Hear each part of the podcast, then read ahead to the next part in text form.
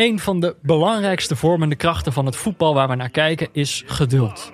Of nauwkeuriger, het gebrek eraan. Sommigen zeggen dat het geld is, of statistische modellen, moderne tactieken met inverted wingbacks in de halfspaces of het opleiden van eigen jeugd. Maar nog bepalender dan al die dingen is het gebrek aan geduld om aan één van die dingen vast te houden, ook wanneer er niet direct resultaat te zien is. Het leven is te kort daarvoor, zegt de ongeduldige. Een voetbalcarrière duurt 15 seizoenen, een seizoen 34 wedstrijden, een wedstrijd 90 minuten en de tijd verstrijkt snel. Maar zonder geduld is niets een plan en alles een noodgreep. Zijn we overgeleverd aan chaos en onzekerheid. Klinkt dat bekend? Dat is het voetbal waar we naar kijken. Artık son bir fırsat. Onur. Onur verdi pasını. Uğurcan ve top ağlarda. Uğurcan Semizoğlu ikinci golünü atıyor maçta. Ve maç bitti değerli izleyiciler. Altın Ordu Eskişehir Sporu 6-3 mağlup ediyor. Ja, Jordi, Ja, Peter. hoe gaat het? Ja, uitstekend met jou. ik kan me niet, eh, ik kan mij niet Je zit er lekker fris bij. Ik kan me niet heugen dat ik zoveel dagen achter elkaar vrij ben geweest. Kijk, het is allemaal. eh, het is heel gek, want het soort van je vrije tijd wordt opgeslokt door het feit dat je niks kan doen. Dus dat zou betekenen dat je heel veel uitrust en relaxt. Maar het betekent ook, omdat je niks te doen hebt, dat je maar gewoon elke keer, zolang je werk hebt, dat je blijft werken. Ja, ja, ja precies. Snap je? Dus Ja. ik, eh, eh, ik kan me niet heugen dat ik zoveel dagen achter elkaar vrij ben. Dit is de vierde dag achter elkaar. Ik heb natuurlijk donderdag eh, met Fik, dus een dag Oh ja. extra gepikt. Nou ja, eh, Je bent, je, al, Heerlijk. fri- je bent je al lekker eh, aan het vervelen? nou nee, eigenlijk eh, nog lang niet. En ik, ik kom steeds meer er naartoe dat ik denk van, ik moet gaan rentenieren. Kijk, ik ben er financieel nog niet. Maar mentaal wel. Mentaal ben ik het helemaal na zo'n anderhalf jaar COVID. Nee, ja, voor de rest prima. Maar aan het genieten van de dag als het weer een beetje mee zit. Zo. Jij? Nou ja, natuurlijk vandaag dagje vrij. Mhm. En daar, nou ja, kijk, voor, ik heb in principe elke dag vrij. Ik wou net ben, zeggen, ik ben je eigen zegt baas. dagje vrij. Ik ben heel benieuwd. Ik ben eigen baas. Had, Maar je, had je je huis afgesloten? nee, eh, nou, wat wel zo is, is dat eh Julie heeft vakantie. Of heeft Mhm. er ook een weekje vakantie genomen, precies rond deze dagen. Eh, en dat betekent dat er dus niemand in ons huis aan het werk is. Waardoor het wel een beetje extra voelt alsof ik dan ook opeens vakantie heb. Maar ik had met, met mijn padelvrienden afgesproken weer een keer de padelbaan op te gaan van, vanmiddag. Want ehm, dat mag weer. Heel lang mocht je niet met z'n vieren sporten. Mhm. En met z'n tweede, tweeën padellen is denk ik net iets te uitputtend. Dus ik heb vandaag heb ik twee uur op de padelbaan gestaan. Nou, we nemen dit op op, eh, op, op tweede paasdag, maandag. Iedereen heeft denk ik wel meegekregen wat voor een bizar weer het vandaag is geweest. Eh, dus ik heb, ik heb twee uur op, op die baan gestaan. En voor mijn gevoel heb ik eh, twee keer alle seizoenen. Nou, ik wou net zeggen, dit is ook voor de spelers heel prettig. Omdat iedereen zal een, een voorkeur hebben. Die ene zal goed zijn in sneeuw. Die andere goed zijn met wind. Dus iedereen had even zo'n momentje op de padelbaan, Ja, denk ik. eh, Ik ben, ik, ik, ben helemaal gedesoriënteerd door. Oké, ik moet toegeven, gisteravond iets te laat naar bed gegaan. dus ik was al niet heel, heel scherp. Maar gewoon helemaal gedesoriënteerd door dat weer, inderdaad. Want het heeft twee keer gesneeuwstormd. En twee keer meteen daarna ging de zon schijnen. En dat was dan eigenlijk. Was het meteen ook al warm. Die sneeuw was dan meteen verdwenen. Ik was dan ook eh, meteen vergeten dat die sneeuw überhaupt gevallen was. Zo bizar als vandaag eh, staat mij niet echt bij, zeg maar. Wel noodweer van één specifiek weer ineens dat het er is. Maar dat het de hele tijd blijft omswitchen. Maar ja, laten we vooral... maar dat is het eh, spreekwoord, hè? April ja, roert zijn staart. Wat was het ook alweer? doet wat hij wil. ja, het is ook... eh, eh, ja, nee, ja, het, is het, het volgende teken dat we met z'n allen heel goed bezig zijn eh, met de aarde. Dus laten we vooral zo doorgaan dat er helemaal geen Ja. pijl meer op te trekken valt. Maar, maar goed, dus mocht ik, mocht ik deze aflevering een beetje in de war zijn, klinken, Mhm. dan komt dat daardoor gewoon. Ik ben gewoon helemaal, helemaal suf gebeukt door de, door de weerswisselingen vandaag. Nou, waar ik een beetje in, in suf gebeukt word, dat is Warzone, Call of Duty. Mhm. Dat zal je best wel eens gehoord hebben. Schietspelletje. Schietspelletje op de Playstation, dat spelen mensen al jaren. Mhm. En deze jongen die dacht, nou ja, hè, als het is nu al zo lang eh, gaande, laat ik me nu eens Ja. erop gaan richten. Ja, heel laat aanhaken bij hypes. Dat Ja, eh, ja, herken ik wel. Ja, dat, dat was, eh, dat is, het, het moet hilarisch zijn. eh, de Blanke Bogarde Willem de Kam en Rogerio, die, eh, die Dit is jouw squad. Dat is mijn squad. Die Mhm. zeiden van, Jordi, wij pakken je bij de hand. Toen zei ik al meteen van, ik ben heel benieuwd eh, eh, wanneer jullie niet meer jullie berichten gaan mijn berichten gaan beantwoorden. Mhm. Ik kan het dus niet. Maar het is heel grappig. Zij zijn allemaal level 200 en dat soort dingen heel goed. En Goede schutters. heb je mij als gigantisch blok aan je been dat een beetje die wereld daar loopt te verkennen met zijn pistool in de lucht. Maar tot op Je bent een heden- soort toerist. ja, ik heb wel het idee dat ze het, dat ze het allemaal leuk vinden. Want ze komen er zelf goed uit natuurlijk. Dat ik Mhm. alle vragen moet stellen. En dat ze mij kunnen redden keer op keer. maar ik ben benieuwd hoe lang dit, eh, hoe lang dit stand houdt. Maar eh, ik, ja, had het nooit verwacht. Ik speel nooit schietspelletjes. Nee, maar ik ook niet. ik, eh, ik, ik haal toch wel plezier eruit. En misschien is dat ook wel COVID. Hè? Zitten met de headset Mhm. gezellig te kletsen. Misschien is dat ook niet handig als je in een oorlog zit.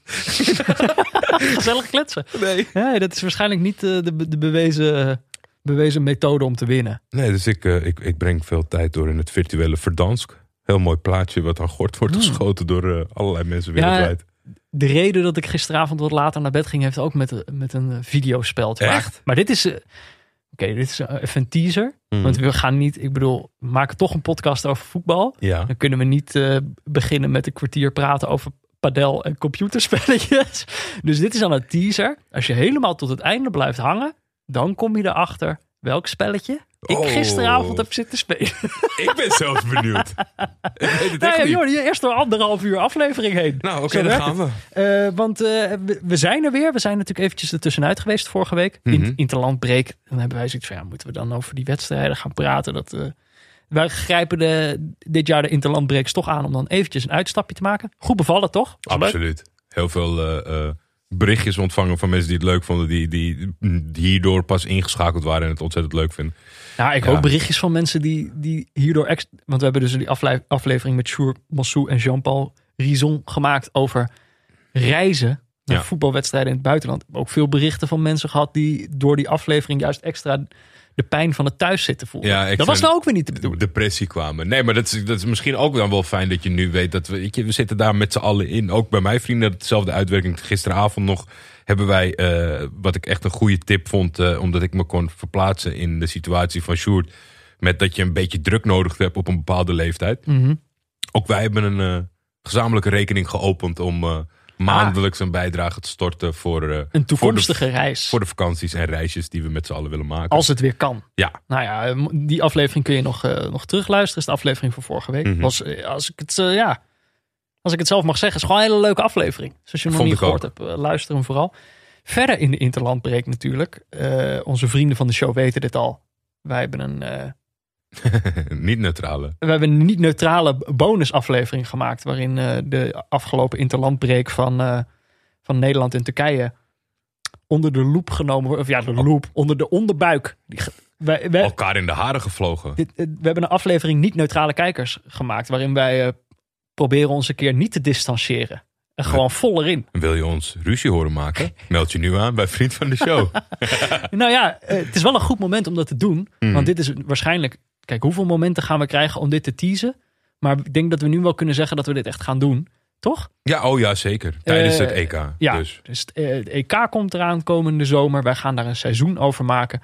En eh, exclusief voor onze vrienden van de show. Kijk, het ding waar we niet omheen kunnen... is dat wij maken neutrale kijkers over dat EK. Maar er doen twee ploegen mee waar wij niet neutraal over kunnen zijn. En daar gaan dus onze exclusieve bonusafleveringen over. Dus Noord-Macedonië en Wales.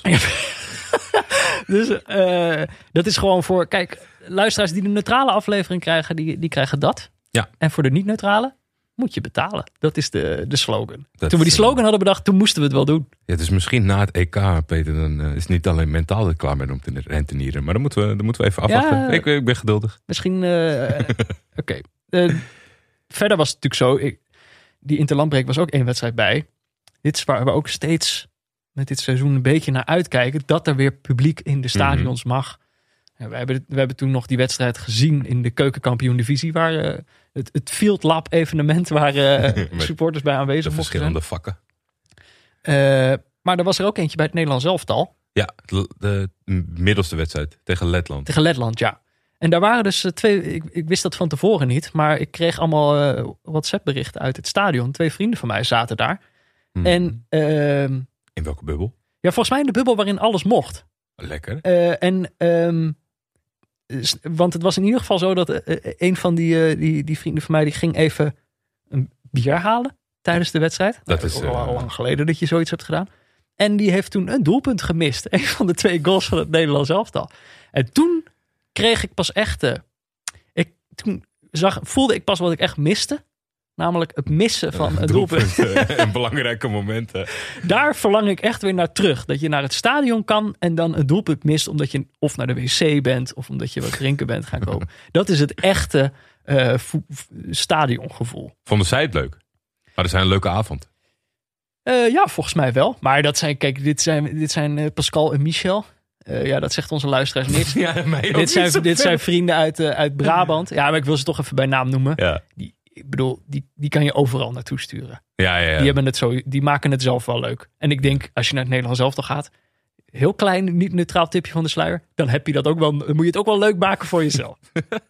Ehm, nou ja, dan hebben we denk ik alle, alle, alle puntjes behandeld... en dan kunnen we het over de wedstrijd van deze week gaan hebben, toch? Zeker. Ik had jou een, eh, een, een, een, eh, Ik mocht ja, kiezen. een lijstje gegeven. Toen zaten we daar samen een beetje over te bomen van... eh, ben ik altijd benieuwd, weet je. Ik, ik ga heel uiteenlopend. Ik weet dan niet helemaal vaak zeker of, of we de streams van kunnen vinden. Mhm. Indien nodig. maar was op zoek naar eh, welke eh, jou het meeste aansprak. Ja, En nou dat was, nou ja... dat was Altinordu tegen Eskişehirspor. keurig. Zeg ik het goed? Keurig, zeker, zeker, zeker. En dat, dat, dat zat hem, denk ik, want ik had tussen bij bepaalde wedstrijdjes had ik ook nog tussen haakjes gezet van, nou, dit kan een Hm. reden zijn om het te kijken, ranglijst of, of verhaal. Nou, Ik ja, kende allebei deze ploegen niet. Maar Nee. het zag er Turks uit. En dan denk ik toch altijd, ik vind het toch altijd leuk. Dit is toch onze unique selling point. Jordi's kennis van het Turkse voetbal. Waar, waar kan je dat nou horen? Nou, eh, bij ons. Maar je had ook een, een goed verhaal bij deze wedstrijd. Eh, even voor de duidelijkheid. Het is een wedstrijd op het tweede niveau van Mhm. Turkije. Dus niet de hoogste divisie. nee. Eentje daaronder. De Turkse keukenkampioen divisie. Ja, het heet daar de, de Birinci League. Dat, ga ik, dat, eh, dat ga ik niet herhalen. Eh, maar het- het verhaal bij deze wedstrijd is dat dit eigenlijk een wedstrijd is eh, tussen deze twee ploegen, maar ook tussen twee uitersten in het Turkse voetbal. Toch? Zeker. Nou moet ik wel eerlijk, eerlijk bekennen dat de, eh, een van de twee clubs, Altenordu, dusdanig een uitzondering is in het Turks voetbal. En misschien wel breder dan dat. Dat de tegenstand wat, om, om, om dit te krijgen, Mhm. kan eigenlijk tegen, tegen wie ze dan ook spelen in Turkije. Want Zij, ja, zij voeren beleid. Ja. Dus dan, dan, valt al, dan is het contrast ten opzichte van elke betaalde club is al groot. ja het, want de, de twee uitersten waar we het over hebben, is beleid tegenover wanbeleid. Ja. En je zou wel kunnen zeggen, ik weet niet, ik, Eskişehirspor ken ik niet goed genoeg, maar die zitten wel ergens zo aan het uiteinde bij wanbeleid. Ja, zeker. Maar er zitten heel veel clubs daar volgens Ja, jou. precies. Is een druk. eh, Aan het andere uiterste, bij Altinordu, bij beleid, daar is het, daar is het heel rustig. Daar is niemand. Daar is niemand. Daar, ja. Maar we hebben wel te maken met deze twee uitersten. Ik daar gingen we vandaag naar kijken. Inmiddels dat ze niet meer de wacht houden, zeg maar. Want er komt ook niemand aan. Het is niet zo van Nou. dat zij de eerste stappen hebben gezet. Het is misschien wel een goed, goed voorbeeld. Maar laten we dan beginnen met Altinordu. Ja. Het, het beleid. Le- Leg eens uit hoe ze dat doen. Wat is, het- wat is dit voor club? Wat gebeurt daar? Ja, er staat, eh, er staat een artikel, dat zal ik ook in de show notes plaatsen. Dat is volgens mij van Eren Sarıgül, een, een, een Turks-Britse journalist. Die heeft het in 2017 eh, eh, mogen n- neerpennen in overleg met, of in, in gesprek met de voorzitter voor The Guardian. Game changer, how Altenordu aim to dominate Turkish football with homegrown players. Ja, Ehm, dat is niet iets wat, eh, wat, wat veel Turkse clubs doen. homegrown players is geen idee wat, eh, wat het eh, is Er zijn, bij ook veel geen, clubs. zijn er geen regels voor in Turkije? Nee, absoluut niet. Ze zijn heel veel aan het wikken en wegen en, aan het wijzigen hoeveel buitenlandse spelers ze mogen opstellen. Mhm. Maar dat, dat resulteert niet in dat een speler moet opgeleid zijn dan in Turkije of bij de eigen club. Dat helaas niet. Als dat nog zou komen, zou dat natuurlijk heel belangrijk worden. Als jij drie spelers in je selectie moet hebben die door je eigen club zijn opgeleid, Mhm. dan maak je al flinke stappen. Nu is het alleen, nou ja, eh, het is nog net niet zo dat jij als Turk zou gelden omdat je met mij een podcast maakt, zeg maar. Er zijn veel omwegen om Turken binnen je selectie te halen. Maar wat, wat Dan zou er toch nog een toekomst voor mij liggen. als opvuller voor het blad. ja, als iemand nog een rechtshalf zoekt. Eh, wa- wa- wat, zij, wat zij doen, en de, de, de voorzitter is erg gecharmeerd van de club eh, Atletiek Bilbao. Dat, dat, dat systeem eh, heeft een naam Daar, daar hebben ze veel over gesproken, alvorens hij in de club stapte. Altenord is ouder, was niet altijd van dit beleid. Hun droom was om afgelopen seizoen op het hoogste niveau te spelen met een team vol zelfopgeleide spelers. Ja, je moet altijd hoog inzetten met dit Ja. soort plannen. Is niet gelukt. Nee, dat is niet gelukt. En het, het, het andere plan was om in seizoen 23-24 voor het eerst deel te nemen met Altenorde in een Europese competitie met alleen maar zelfopgeleid. Ze hebben dus nog twee seizoenen. Ja, dat wordt ook lastig om te halen. Maar aan de andere kant gaat het heel goed. Eh, eh, zij, zij hebben een, een pagina op hun website met de filosofie. Mhm. Eh, die had ik ook naar jou gestuurd. En, en ze proberen a good person en a good football player te maken. Ja. Zij hebben ook in, dat, in het Guardian-artikel staat dan ook omschreven dat ze het. Ze zien het als, echt als een. hoe noemden ze dat nou? Een soort brede, brede beroepsopleiding. Ja, Dus ze Zo. hebben. Die hele club is gewoon. Je krijgt daar niet alleen eh, voetbaltraining. Maar wat stond er nou? Ze krijgen ook eh, les Engels bijvoorbeeld. Lessen in schaken. schaken, inderdaad. En er zijn heel veel eh, gemeenschappelijke taken. Ja. en, en gewoon ook het land en dieren. Dieren vinden ze ook heel belangrijk om dat te leren kennen. Er zijn er fieldtripjes dat ze moeten tomaten plukken of dat ze koeien moeten melken. Het is gewoon heel breed genomen. En zij geloven heel erg dat het in hun voordeel zal werken en in het voordeel van de spelers. Als ze niet alleen hele goede voetballers zijn, maar ook goede mensen. Het totale mensprincipe eigenlijk. Ja, en, en, en dat in optima forma. Het was ook grappig in deze wedstrijd zometeen. De tegenstander komt de tweede helft het veld op shocken. Echt gewoon shocken. En die andere is met een eh, fysieke coach. Zijn ze een, een tussenwarming-up aan het doen voordat ze aan de tweede helft beginnen. Het contrast is gewoon immens. Ze hebben vier locaties in Izmir waar al veel concurrentie zit. Eh, maar het feit is, kijk, je moet, je moet doelen stellen die misschien bijna niet te realiseren zijn. Maar ik denk wel dat ze goed eh, eh, kunnen kijken naar het feit van dat het toch wel aan het lukken is. Ze hebben een pagina waar alle jongens staan die zijn vertrokken van Altenorde naar een andere club Ja. op een niveau hoger. Nou, dat zijn twee namen die iedereen kent, toch? Twee, twee kent iedereen. Dat zijn Cengiz Ünder en Çağlar Söyüncü. Dit zijn de twee totale mensen, afgeleverd door de... Ja, wel Door- door de snel, schaakschool. snel opgepikt. Dus wat dat betreft eh, natuurlijk wel eh, in hoeverre waren ze in dat proces, dat weten we niet helemaal. Ja. Maar het, het is natuurlijk wel een, een. Het zijn twee boegbeelden. En dat geeft ook een heleboel jongens extra reden om daar naartoe te gaan. Ja, de realiteit is, er zal natuurlijk ook geld verdiend moeten worden. En ja, het is toch wel lastig. Kijk, er is één club die beleid voert. één club waar je Turkse jongens kan vinden. En daar kijkt niet heel Turkije naar, maar daar kijkt inmiddels de hele wereld naar. Zij hebben eh, allemaal jeugdtoernooien met de grootste eh, andere teams. Ajax, Barcelona, Real Madrid, alles komt daar naartoe. Zij hebben zichzelf ingeschreven, dat schijnt te kunnen, voor die Youth League. eh, die UEFA Youth League, weet je, Oh. waar die teams aan meedoen. Dus daar hebben ze ook al. Iedereen kent ze inmiddels. Dus op het moment dat iemand eh, vijf keer kan hooghouden, is hij interessant voor de buitenwereld. Ja. Dus dat is een beetje waar ze tegen vechten. Dit is nu Ik zag ook al zo'n hele jonge keeper, die is inmiddels, speelt hij bij Fenerbahce. Ja, die is uitgeleend aan eh, Westerlo. Westerlo. Dus die maakt zijn minuten daar. Die, eh, die was ooit in een heel ver stadion met Manchester City. Hm. En dus het, het, het is gewoon moeilijk, weet je. Om, om het, kijk, als je Cengiz en Çağlar kan houden... dan komt je doel om naar de Super League te gaan dichterbij. Maar hou je, laat je ze niet gaan... Een, een- een moeilijk facet. Ze zijn Ja. eh, afgelopen jaren zevende, tiende, vijfde, zevende, zevende en veertiende geworden. Wat ook natuurlijk een keiharde realiteit is, waar ze zijn achtergekomen. Allemaal leuk en aardig. Maar met 11 jongens van 16 kan jij niet in de Turkse competitie meekomen. Dus je zou, je, Misschien kan dat in Denemarken. Ja, Ja. dus je, je ziet ook zeg maar dat nu, eh, eh, ze doen nu echt weer een gooi voor promotie. Eh, en dat is dan wel aangevuld met wat jongens met ervaring. Want anders lukt het niet. Dat is in het verleden al een paar keer gebleken dat het, de hele utopie van alleen maar zelf opgeleide jongens. Kijk, dat begint natuurlijk ergens. Dus ze zijn niet, je hebt niet ineens een ervaren middenvelder van 27 die je zelf hebt opgeleid. Nee. Dus ja, ze zijn, ze zijn onderweg. Dit is een beetje de, ook de, de moet ik toch weer even een Nederlandse vergelijking Tuurlijk. maken. Ajax is natuurlijk ook een club die, eh, die, die probeert heel veel jongens uit eigen opleidingen door te laten stromen. Maar het succes van de afgelopen jaren, het start zijn daarvoor is misschien wel gegeven met het halen van Daley Blind en Dusan Tadic. Ja. Juist twee ervaren spelers. Want daarvoor, ja, hoeveel wedstrijden je wel niet hebt gezien, waarin je echt denkt, ja, hier worden die jongetjes, zeker in Europa, Ja. die worden gewoon eh, van het veld geveegd. Ja, en dat is ook wat, wat Altenor de keer op keer over, overkomt. Omdat die, die, die tegenstanders, er zijn altijd clubs in, in deze competitie. Het is heel fysiek, het is heel oud, dus ervaren. Eh, er zijn altijd een paar eh, investeerders die wat geks doen bij een ploeg in, een, in de hoop van, van promotie. Dus ja, dan worden ze gewoon opzij gezet in de, in de finale fase, zeg maar. Alleen nu ziet het er hartstikke goed uit. En dat kunnen we niet zeggen over Eskişehirspor. Gaan we even naar het andere uiterste. het wanbeleid. Wat is, daar, wat is daar aan de hand? Leg uit.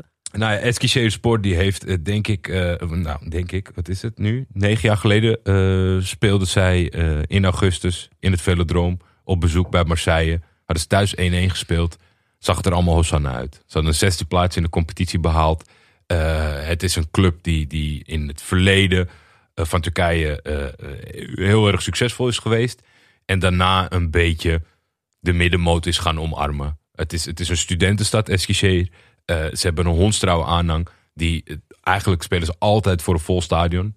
Pre-COVID. Mm. En als je de documentaires over ze kijkt, uh, nu, nu, die worden natuurlijk nu gemaakt, nu de, nu de uh, neerwaartse spiraal is ingezet, is het toch wel zo van, als wij alles hebben gegeven op de tribune. En de spelers hebben dat een beetje uh, overgebracht op het veld. Maar we verliezen 3-0. Hebben wij prima middag gehad, zeg maar. Mm Moeilijk facet om te omarmen om succesvol te zijn, denk ik. Ja. Maar het heeft wel wat, zolang je gewoon een bepaalde uh, ja, doelstelling haalt. Dus op het hoogste niveau tussen plek 6 en 14. Mm Dat hebben ze heel lang gedaan. Avondje Eskişehirspor. Ja. Dat is het. Een gezellig avondje. Gezellig avondje. En, en, en, en, en ja, zingen met z'n allen en dat soort zaken. Maar goed, het is tien jaar geleden nog uh, in de Europa League. Ja, en nu, uh, nu voor het derde seizoen uh, op, het, op het tweede niveau. Eigenlijk zouden ze vorig jaar degraderen naar derde niveau. Maar toen is er geen degradatie naar beneden gegaan in deze competitie. Want toen stonden ze kansloos achttiende. Ja, dit hebben we vaker gezien. Clubs die eigenlijk door, dan, door de pandemie gered zijn. Die dan een jaar later wat was dat? In Noord-Ierland was dat ook zo, toch? Ja. Dungan Swifts. Ja. Die alleen nog in die competitie zaten omdat ze, nou ja. Dus het, je kan gered worden, maar de, het is gewoon uitstel van executie. Ja, uitstel van executie, dat is wel gebleken. Want we zijn nu richting het einde van het seizoen. De ploeg heeft een schamele acht punten, geloof ik, behaald. Ja. Waarvan er nou ja, één overwinning, acht gelijk spelen. En dan is er volgens mij drie punten aftrek vanwege financiële rompslomp. Um, zij zijn inclusief uh, interim trainers, hebben ze nu de vijfde man aan het roer. dat helpt ook niet. Cengiz Setsev, waarvan ik echt voor de wedstrijd, ja, het leek wel gewoon alsof, weet je, zoals bij junioren iemand zijn vader trainer is geworden. Deze man, die keek echt als een konijn in de koplampen. en, en die weet niet wat er moet gebeuren. Maar kijk, het, het, het grootste probleem van deze club is, eigenlijk waren zij best wel een soort voorloper ooit van Altenorde in die zin. Zij zijn een ploeg die met Trabzonspor en Bursaspor een stabiele jeugdopleiding hadden. En, en dat is een beetje het lastige van het wanbeleid. Wanbeleid komt ook zo soort als, als een sluier over je heen. Mm -hmm. En dat heb je misschien niet helemaal door. Want al deze bloedfanatieke aanhang, die had al lang zeg maar, kunnen ingrijpen. Dus het ging hartstikke goed met ze. Er werd steeds, uh, uh, uh, werden de spelers opgeleid. Op een gegeven moment hebben ze een aantal spelers, waaronder Alper Potuk en Tarek Chamdal, voor miljoenen verkocht. Mm -hmm. En toen stapte de voorzitter en de technisch directeur op. En die zeiden: Oh ja, volgens mij hebben we een schuld van 200 miljoen. Oeps. Ja, in, in, tien jaar tijd. Maar dat, dat zie je dus. Zeg maar, kijk, er is natuurlijk een boel in het Turks voetbal. buitenlandse mm. spelers worden gekocht, oude spelers worden gekocht spelers krijgen contracten die eigenlijk niet binnen het budget passen. Dat heeft allemaal plaatsgevonden. Alleen deze Halil Unal, die heeft deze club echt bestolen, zeg maar. En daar zijn ze gewoon iets te laat achter gekomen. En toen was het. Hij heeft gewoon een zak geld meegenomen. Ja, het is gewoon via omwegen is het weggesluist. En, en dat is natuurlijk wel extra pijnlijk voor deze club. Dus dat, en ze zijn nu gewoon aan het kelderen. We staan nu op de drempel om nog een divisie lager te zakken. Ja, het is, het is, een, het is een vrije val. En, en bij andere clubs is het zeg maar een soort van niet bekend. En, en daarom heb ik iets, klein beetje voel ik toch de mantel der liefde voor ze. Omdat, bij, kijk, bij Turks clubs is het wel zo dat als jij boven je stand leeft in, en in, op het hoogste niveau speelt. Mm -hmm. En het gaat mis, dan is die vrije, die vrije val heb ik al zo vaak gezien. Zeg maar, Orduspor is nog vrij recent. Is ook zo iemand die tegen het Europees voetbal aanzat. En in één keer bijna amateur is geworden, zeg maar. En dan ga je naar een scenario waar ik je naar heb laten kijken. van aan de ene kant denk Ja. ik dat jij verwacht bij Altenord een soort van heel jong en frivol team te zien. Mhm. Maar nu komt Eskishere opdraven met een ploeg vol 16, 17-jarigen omdat er geen euro is. Er is geen euro. Maar jonge, jonge jongetjes. Die, mo- die, in- die niet eens een shirtje mogen ruilen. Ja, dat was, dat was het. Ja, het was wel. Kijk, in- ik heb, vaak, ik heb het er vaak over gehad dat in Turkije de focus veel te veel ligt op de grote clubs. Sowieso op de drie en dan nog een klein beetje rand. Maar voor de rest heeft niemand echt oog voor wat de rest van in het voetbal gebeurt. En toen was het dit jaar afgelopen, nou ja, ik denk een paar maanden terug, was er een wedstrijd in de beker. Waar ze dan eh, na de groepsfase moesten tegen Çaykur Rizespor spelen. De, de, de man van Çaykur Rizespor, Samudio, die was onder de indruk van de, van de jonge speler Boera. Die zei van, weet je, goed gespeeld jongen, zo'n shirtje ruilen is wel leuk. Ik wil jouw shirt graag hebben. En die jongen die kon geen Engels, dat bleek wel na de wedstrijd. Want hij ging toelichten wat er nou gebeurde. Maar die maakte het handgebaar en, en zijn schouders ophalend. Toen bleek dus achteraf dat hij durfde zijn shirt niet te geven. Omdat dan de club 250 Turkse lira aan hem vraagt. Om dat shirt te zelf vergoeden. be- betalen? Ja. Kijk, Samudio had natuurlijk met liefde dat shirt willen betalen. Ook namens hem. Maar Ja. dat, daar kwamen ze niet uit. nou maar dat ja, ja, is zo pijnlijk. Ja. Om Ja. dat toch nog even met een eh, wat, wat, eh, wat beter nog te eindigen. Jij, jij stuurde ook nog een filmpje dat zij hebben een, een band op de tribune. Oh, ik vergeet bijna het belangrijkste. Ja, sommige mensen zullen het prachtig vinden. Sommige mensen zullen het verschrikkelijk vinden. Heel even naar luisteren, want dit is, nou ja, wij, hebben het vandaag, wij hebben het in deze wedstrijd niet gezien. Er zat natuurlijk niemand op de tribune. Maar normaal gesproken, Is er de het, het avondje SS, SS-bando. SS Bando. Moet je even, ik, even naar luisteren. Ik denk dat je het moet horen om een beetje te weten wat, eh, waar we het over hebben.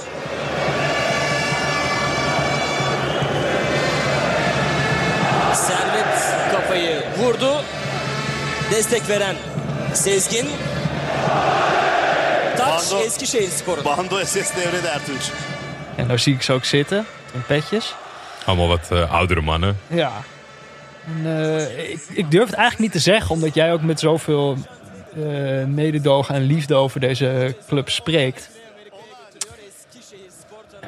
Is toch Tialf doet het mij aan denken. Ja, ik, dat snap ik. Dat snap Het ik. dweilorkest. Ja, ik, ik, ik, ik snap dat heel goed. Eh, Het is alleen... eh, Kleintje eh, pils. Ik weet niet wat dat in het Turks is. Ja, maar je hebt dan toch het idee... Kijk, in Tialf mist het vurige van een Turkse voetbaltribune. En ik denk dat als je, als je deze in het geheel plaatst... Dit is overigens een, een, een, sc- een scène uit de, een shot uit de wedstrijd tegen Galatasaray die ze winnen. Ja, best Kijk, wel het is, ook, het is ook wel gewoon een, een, start zijn in die contraien. En daarna gaan ze met z'n allen staan en die sjaals gaat zwaaien en dat soort dingen. Mhm. En de- die ploeg reageert daarop, zeg maar. Kijk, in Tialf is het toch wel gewoon van... Ja, dat is treurig. Het is, het is eh, eh, een biertje drinken muziek, zeg maar. Ja, het is niet alsof die, Het die schaatser, of alsof schaatsers daarop reageren. Nee, ik heb niet het idee dat Johnny Romme daardoor harder ging. Ja, dus Je weet het niet. ik, ik kan het op zich wel... eh, eh, ik, ik kon het altijd wel appreciëren. En het is eh, ja, jammer dat ze dat nu in totaal... Ja, desolate gebieden moeten gaan doen zometeen. Ja. Tegen tegenstanders Dan mag die, het weer, zitten ze in de derde divisie. Ja. Nou, daar, gaan we het, dan moeten we het dan nu denk ik eventjes over hebben. Namelijk, waar gaat deze wedstrijd eigenlijk om? Nou ja, Altinordu staat vijfde. Ja. 49 punten, dus die doen het eh, dit seizoen gewoon goed. Eh, ze hebben daarmee ook nog steeds zicht op de play-offs. Zelfs op rechtstreekse promotie. Plek 1 en 2 gaan rechtstreeks naar boven. En 3 tot en met 6 die, eh, die spelen play-offs. En Dat ja, kan nog. ja, Samsung Sports dat, die stond voor deze wedstrijd met de wedstrijd meer op 54 punten. Dus dat is gewoon heel reëel. Dat is, eh, dat is goed te doen. Ze zijn ook lekker in vorm. Om negen wedstrijden niet verloren. Zes gewonnen. Drie, drie keer gelijk. Eh, ja, es, Eskişehirspor. Als we het dan toch ook weer over uiterste hebben. Die staan gewoon dus inderdaad, wat jij al zei, ze staan laatste. Acht Ja. punten. Drie punten aftrek. Eh, ja, dat gaat gewoon niet meer gebeuren. Voor de wedstrijd was er één scenario. Dat nam de commentator door met de kijker. Ja? Wat dan? Nou, de, de- de- zij moesten vanaf deze wedstrijd alles winnen. Want degene die boven ze staat, dat is niet de plek veilig, zeg maar. De, de, plek veilig, de veilige plekken die zijn eh, twee, drie posities van ze vandaan. Mhm. En mathematisch, voor deze wedstrijd, kon dat nog. Het kan nog. Maar dan moet de, eh de één van de drie ploegen die 15e, 14e of 13e staat, die moet vanaf nu alles verliezen. En Eskişehir moet alles winnen. En dat hadden ze pas één keer gedaan dit seizoen. En ja, laat het dan ook nog zo zijn dat op deze dag dat de degradatie kan plaatsvinden. Ja, want dat is dus zo. De- in deze wedstrijd, als ze deze zouden verliezen, was het dus helemaal Ja, sloes. elf spelers afwezig vanwege COVID. Ja. Dan heb je je eigenlijk alleen maar kinderen op de loonlijst staan. En dan, Het ja, is, dit is eigenlijk al het B-elftal wat zij het hele seizoen hebben. Ja. En daar komt dan nog het... eh, daar komen er elf bij die er niet, kunnen zijn, die niet mogen spelen. Ja, dus daar, daar hebben we naar zitten kijken. Ja, hoe moeten we dit omschrijven? Ik, ik, ik denk niet dat eh, onze luisteraars de stand al kennen. De eindstand, nee. Nee, dat is ook wel een keer leuk. Maar ik denk dat in deze wed sommige wedstrijden moeten wij heel veel dingen verzinnen om te vertellen. moeten wij heel veel inhoud in die wedstrijd proppen. Ja, Hier zijn we denk ik ook al wel een tijdje bezig als we gewoon het scorebord gaan doornemen. ja Ehm, want het begon al heel vroeg. één minuut. Ik had nog niet eens de juiste stream gevonden. Dat dacht ik eerst. Steengoed. Toen zat ik per ongeluk naar Bolu Sport te kijken. Maar dat was gewoon eerst dat het scorebordje niet in beeld. En ik wist niet welke shirts het zouden moeten zijn. En ik dacht, nou, ik was al lang blij. Jij vroeg al een beetje in paniek van, nou, heb je nog een stream kunnen vinden? Ik zo, ja hoor. Ja, Maar dat was, dus- was dus wel gewoon de verkeerde wedstrijd. Toen eh, vrij snel daarna had ik toch de juiste stream te pakken. Maar toen stond het al 1-0. Dus dan moet jij even uitleggen hoe die bal erin ging. ja dit, dit was echt wel... eh, Eerste eh, minuut. Zorgwekkend vond ik dit. Want ik, ik zat te kijken. Ik had natuurlijk wel een, een vermoeden wat de uitslag zou worden. Nou, op Eskische op een paar seperts na meestal het wel soort van binnen de perken weten te houden. Maar ik zie nu een, een Ahmed Ilan gewoon een tegenstander voorbij lopen. Zonder enige moeite een bal opzij pasen. En Ahmed Dereli die, die tikt hem binnen. 1-0. Waarvan alle vijf, zes betrokkenen van Eskische echt als een soort van kinderen opzij zijn gezet.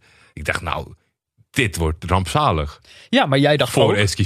Maar jij zei eigenlijk ook al vrij vroeg, dacht jij dat Altinordu wel gas terug zou gaan nemen? Omdat het een beetje zielig was of zo. Ja. Om, eh, De, de, vraag, de vraag is natuurlijk ook, en die, die wilde ik eigenlijk ook een beetje, want ik, ik zit daar altijd een beetje over in dubio. Kijk, ze, ze worden natuurlijk ook als goede mensjes opgeleid. Wat doet een goed mens? ja, ja, ja. Kijk, je, je beoefent een sport. Ja. En je wil het hoogste halen. En En een ploeg die al zoveel onheil over zich heen heeft gekregen, die toch wel gaat degraderen, moet je die dan compleet vernederen? ja, of, of sparen. Ja. Wat, wat moet je doen? Ja, weet ik niet. Eh, Sommige mensen vinden het onsportief of kleinerend om je in te houden. Snap Ja. ik ook wel enigszins. Vind ik eigenlijk ook. Maar kijk, ik denk ook, deels gebeurt het automatisch. Als het krachtsverschil heel groot is, dan gaat het jezelf ook niet lukken om voluit te gaan. Dus in, in de meeste gevallen balanceert iets zich wel op een redelijk normale manier uit. Dat je niet opeens met z'n allen afspreekt van we gaan nu gas terugnemen. Maar iedereen doet dat automatisch omdat je al voelt, we hoeven niet tot het gaatje vandaag. Nee. En ik dacht dat ook eigenlijk al meteen te zien. Toen jij er zei, ik denk dat ze nog wel gas gaan terugnemen. Ik dacht, volgens mij hebben ze dat al gedaan. Want het stond 1-0. En de manier waarop die spelers van Altinoorde bewogen, heel ontspannen, Ja. had ik niet het idee dat die gasten het idee hadden van, oh, we moeten er echt vol voor gaan vandaag. Dus die voelden zelf waarschijnlijk ook al dat, dat krachtsverschil. Ik dacht, misschien kunnen we het een beetje, een beetje rustig aandoen. Ehm, maar ja, ik, het gaat vervolgens, het duurt nog eventjes. Eerste, eerste minuut gescoord. Het duurt dan een half uur tot het tweede doelpunt van Altinoorde valt. Ja. En dan gaat het wel best wel snel ineens. Eh dertigste minuut 2-0. Het zat er wel aan te komen. Lange bal over de, de laatste lijn van de verdedigers. Nummer 7, de, de wingback aan de linkerkant. Dat was ook wel wat ze bij Altinordu deden. Hadden wel een moderne opstelling. Zeker. Twee van die wingbacks die dan eh, heel... Drie verdedigers. Twee eh, wingbacks die helemaal naar voren gingen. Deze gaf een eh, vroege, snelle steekbal. Waarna de middenvelder één op één met de keeper niet mist. Schuift hem gewoon, schuift hem gewoon binnen. Twee Ik minuutjes later. vond dat zijn Oh. korte hoek flink open lag. Ja, ik denk hier moeten we het aan het einde van de wedstrijd nog even over hebben. Want ik ben normaal heel vergevingsgezind tegenover keepers. Ik weet niet hoeveel keepers corona hadden.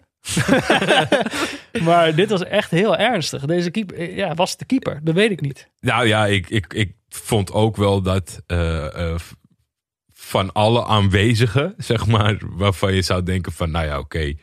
Hij viel het meest op als dat hij echt niet op dit niveau kon meekomen. Het was pijnlijk. Het was een beetje raar, maar daar heb ik aan het einde dan nog een opmerking over. Want nou ja, goed, deze, deze bal vliegt erin. 2-0. Eh 32e minuut, twee minuten later 3-0. Dit, dit was voor mij eigenlijk een moment dat ik dacht, wat doet die keeper nou? Ja. Want eh doelpuntenmaker van de eerste goal, eh De Reli, die gaat eigenlijk in zijn eentje heeft hij de bal aan de voeten. Die is, eh, heeft nog een verdediger bij zich. Het is niet per se een super gevaarlijke situatie voor mijn gevoel. Ik heb niet het idee van, oh, nou komt er een gigantische kans aan. Hij loopt volgens mij net de 16 in. En dan schuift hij die bal gewoon in een hoek. Niet eens een vlammend schot, Nee, niks. niet heel onverwacht. En die keeper heeft gewoon, ja, wat is het, de korte hoek heeft hij gewoon niet Nee. Ja, dat was hij natuurlijk de, de- bij de vorige bal was hij ook al in die korte hoek gepasseerd. En ja, dan komt eigenlijk wel de, voor mij de ultieme bevestiging waarvan je je zou kunnen afvragen: is het een keeper? In, in- weer eh, vijf minuten later is het al de hat van Ahmed Dereli. En ja, dat is een hard afstandsschot, maar op de borst van de keeper. Nou, die schiet totaal de andere kant op, waardoor de twee verdedigers ook niet al te best Dit was misschien niet eens zijn fout, echt. Hij had hem nou, ik vind het, het verwerken van dat schot van Derely, dat vind ik wel van of je aanleg hebt om een keeper te worden of Ja. niet. Dit is wat mij gebeurt als je me op doel zet, zeg maar. Ja, Omdat ja, je niet weet waar je je lichaam moet plaatsen. Nou ja, dan, daarna is ongelukkig dat twee Eskisheerspor verdedigers zichzelf eh, of elkaar precies. omverlopen, waardoor Derely alsnog een binnen kan tikken. 4-0, 37 minuten gespeeld, hattrick. Hattrick voor Derely, ja, dat was, was wel ernstig. Ik eh, dacht op dit moment, dacht ik, oh jee, Ja, we moeten het telraam eh, er maar bij gaan pakken, toch? Ja, zeker weten. En het, het gekke was, hier was ook weer zo'n signaal vanuit eh, de vader van, die dan een trainer is toevallig. Nee, ja, ik weet niet of het, is geen vader van de selectiespeler, maar die trainer grijpt in van Eskişehirspor, waarin eigenlijk zijn hele ploeg, weet je, niet in aanmerking komt om hier iets te presteren. Je hebt 40 minuten naar gekeken en dan ga je een zo'n jonge jongen invallen, die haalt hij eraf voor rust, zeg maar. In voetbal is dat natuurlijk heel erg een ding Het is een statement. ja, voor rust gewisseld worden of twee keer in een wedstrijd gewisseld worden dat je erin komt en weer eraf wordt gehaald. Mhm. Dat zijn gewoon dingetjes die aan je gaan knagen. En dan denk ik, ja, weet je, de- nu ingrijpen gaat echt niet voor de 4-4 zorgen. Dus waarom doe je het? Ja, waarom eh, ga je zo'n jongen mentaal kapot maken? Ja, ik, ik weet je, ik, Je weet op dit moment al, oké, we zijn gedegradeerd. Wist je eigenlijk voor de wedstrijd ook al? stiekem. Ja, Eh, je zit al in die situatie dat je al je basisspelers mist. Waarom moet je dit nou zo erger maken? Tenminste, Wissel misschien... hem dan gewoon in de rust. Als hij er echt uit moet, wacht dan heel even. Ja. Maar Ja. ik denk sowieso, die trainer... eh, Kijk, misschien dat de, de Sam Plantings onder onze luisteraars nu gaan cringen. dat ze dat elke keer doen als ik iets over tactiek probeer te zeggen. Maar hier ging gewoon volgens mij op een heel simpele wijze heel duidelijk iets mis. Constant Ja. bij, eh, bij deze ploeg. Namelijk, de verdediging verdedigde met een hele hoge lijn. Mhm. En ondertussen werd er geen enkele druk gezet op de verdedigers van Altinordu. eh, waardoor die elke keer diepe ballen konden geven. En alle vier deze doelpunten komen uit een aanval die begint met een hoge bal die rustig over de verdediging heen gespeeld kan worden.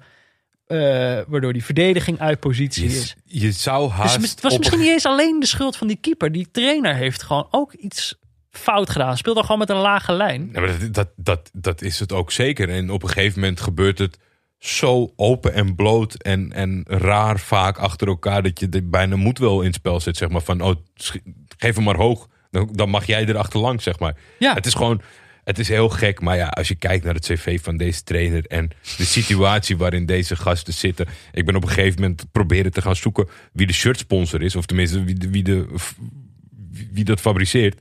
Ze zijn het seizoen begonnen met een, met een Turks merk Barex. Maar dat, dat stond duidelijk niet op, op het shirt. Eh, ik heb het niet kunnen achterhalen. Nog steeds niet. Het, het merk is ze, niet, hebben ze zelf betaald? Waarschijnlijk. niet te googlen. Dus alleen maar om aan te geven wat een totale puinhoop. Ze hebben volgens mij 40 mensen gebruikt dit seizoen. Dus een heleboel zijn heel jong. Ze hebben vijf trainers voor de groep gehad. Alleen het is wel opmerkelijk dat je in je laatste, al, al is het gevoelsmatig alles of niets wedstrijd, er gewoon helemaal niks van bakt. Bouw het dicht. Ja, Bouw het dicht. En je ziet misschien, misschien zat er één hele leuke buitenspeler die heel veel deed, maar bijna alles mislukte. die jongen met dat staartje? Ja, Talla, die, die vond ik echt heel leuk. Ja. Wie weet heeft hij een opvlieging. Ga met 10 man verdedigen en wie weet heeft hij een opvlieging. Ga toch niet tegen de nummer 5, die hartstikke goed is, ja. Op de middenlijn staan. Nee, maar dat, dat vind ik dus ook het rare. Want er zijn zat verzachtende omstandigheden. Maar dit lijkt me nou typisch iets wat je zelfs bij een amateurteam kan je gewoon, kan je, zeg maar, zelfs bij mijn, eh, mijn, mijn vriendenteam van een paar jaar geleden, zou je gewoon nog kunnen zeggen: zet die verdedigende lijn nou gewoon wat minder hoog. Ja. Of je gaat eh, voorin ook druk zetten, zodat die paas niet zo makkelijk gegeven kan worden. Dat is één van die twee. Maar als je heel hoog die lijn zet en vervolgens mag iedereen rustig aanleggen om dat balletje eroverheen te wippen. Wat ik, wat ik hoopte te zien en waarom ik zeg maar de toekomst ook niet zo rooskleurig voor ze inzie. Zeker toen ik erachter kwam dat dat trainer nummer 5 was. Kijk, in, in deze fase, je hebt geen geld, je hebt geen middelen, je hebt geen mogelijkheden. Alles zit tegen. Als je dan ervoor kiest dat je iemand aanstelt die probeert die spelers beter te maken. Kijk, wat ik had gehoopt is dat ze gewoon een heel duidelijk plan zouden hebben. En dat ze steeds verliezen omdat ze net tekort komen. Weet je, net een gelijkspelletje. Dat ze gewoon, het, is een hele jong, het zijn hele jonge jongens. En ze zijn nog niet zo, nog niet zo in hun talenten ontwikkeld. Dat hoopte ik te zien. Wat we te zien kregen, totaal gewoon, ja, een, elftal van de straat geplukt. dat is, het Jullie, was, moeten vandaag, jullie zijn vandaag Eskische. ja, nou, zo voelde het echt. Nou ja, maar je hebt inderdaad toch geen trainer die zijn spelers beter probeert te maken. Maar die zo'n jongen vijf minuten voor rust wisselt en daarmee zijn ziel vermorzelt. Ja, en waarschijnlijk nog tegen hem gaat lopen tetteren in die kleedkamer in het bijzijn van zijn teamgenoot ook. Eh, het, belooft, eh, het belooft weinig voor Nou, de tweede helft. We hebben heel vaak, heel vaak hebben we hier het spoilertje.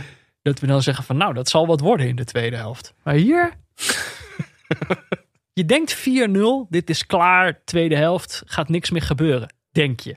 Denk je. Normaal zeg ik altijd, oh, er is in de eerste helft niks gebeurd. Dan zal de tweede helft wel. Oké, wacht maar. De tweede helft komt eraan. We gaan eerst even naar een berichtje van onze sponsor.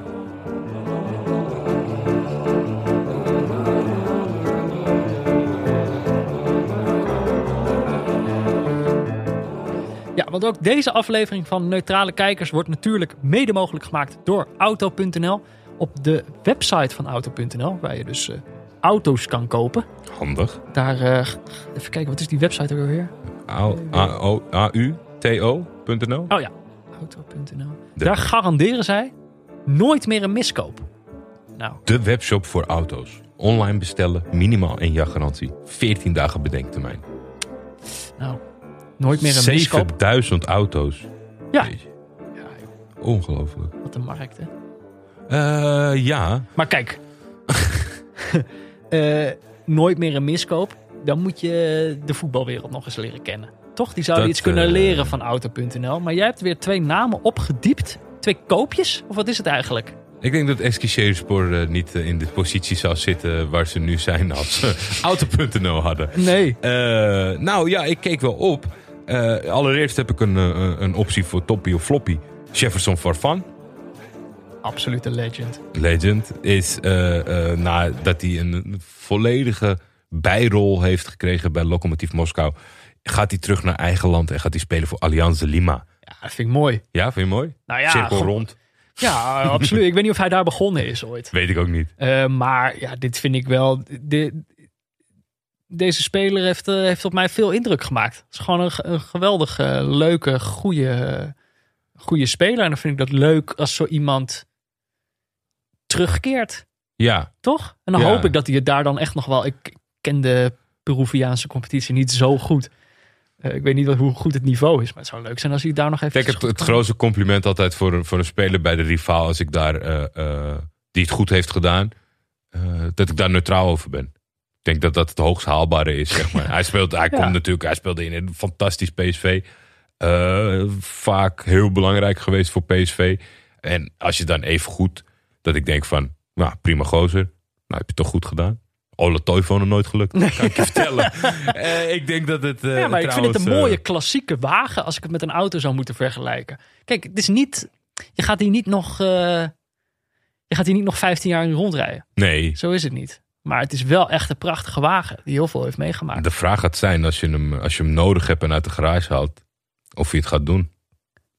Ik denk het wel. Het wordt spannend. Vertrouw Hij dat is 36 jaar. Maar dit is een modelprof. Zo zou ik hem denk ik omschrijven.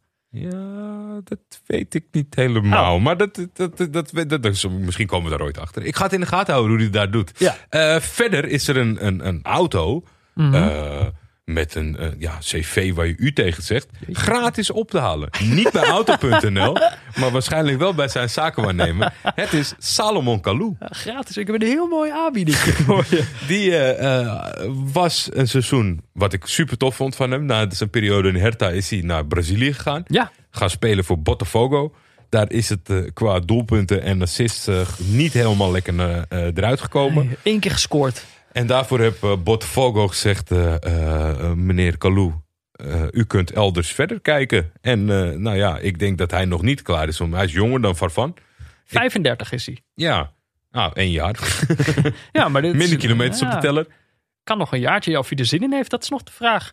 Ja, Dit is ook, maar dit vind ik ook, dit is ook een klassieke wagen. Dat je denkt, oh ja, dit, zo, dit hadden mensen vroeger. ik vond dit mooi bij elkaar aansluiten qua tijdperk in, in Ja, Nederland. Ik denk, ja, bij Kalou is toch nog afwachten wie erin stapt voordat ik het uh, toppie of floppy eh, kan, kan, Kijk, ik kan denk wel, benoemen. als hij het een jaar geleden nog kon bij Hertha. Ja, Ik bedoel, ik weet niet wat hij heeft gedaan in, in, in Brazilië. zeg maar hoe die veranderd is in die tijd. Maar ik denk, ja, als hij het een jaar geleden nog kon, dan kan hij nou ook nog best wel goed zijn. ja misschien eh Feyenoord. Hebben weinig middelen. Hij is cirkel, gratis. is de cirkel ook weer rond. Ja, Dat zou ik mooi vinden. Dat zou ik heel mooi vinden. Dat zou ik mooi Dat moet gewoon doen. gewoon, ik bedoel, al zet je hem gewoon alleen maar in als de, je nu luistert. ja, maar al zet je hem alleen maar in de garage, weet je wel. Dat is toch prachtig. Ja, de laatste keer dat ze iemand terughaalde. Oh nee, dat is de ene laatste. Dirk Kuyt pakte goed uit van Percy minder. Ik zou het gewoon doen. Toppie, zeg ik bij deze al. Als het Feyenoord Als het. Feyenoord is, zeg ik toppie. Eh, nou ja, en mocht je... Kijk, dit zijn natuurlijk hele klassieke wagens. Moeten we wel eerlijk over zijn. Die vind je gewoon niet op auto.nl. Het is toch allemaal wel wat, eh, wat steviger materiaal. En dat is dus ook gewoon... Als je, als je het risico niet wil lopen... Als je niet zo'n discussie wil hebben zoals wij hier hebben... van nou, zou het, zou het nog kunnen of zou het niet meer kunnen? Als je gewoon geen miskoop wil doen... dan moet je natuurlijk zijn bij auto.nl. En als je dan een auto koopt... doe het dan via auto.nl slash neutrale kijkers. Dan weten ze dat je via ons komt. Super handig. Het is, eh, we hebben een heel goed aanbiedingje voor je daar.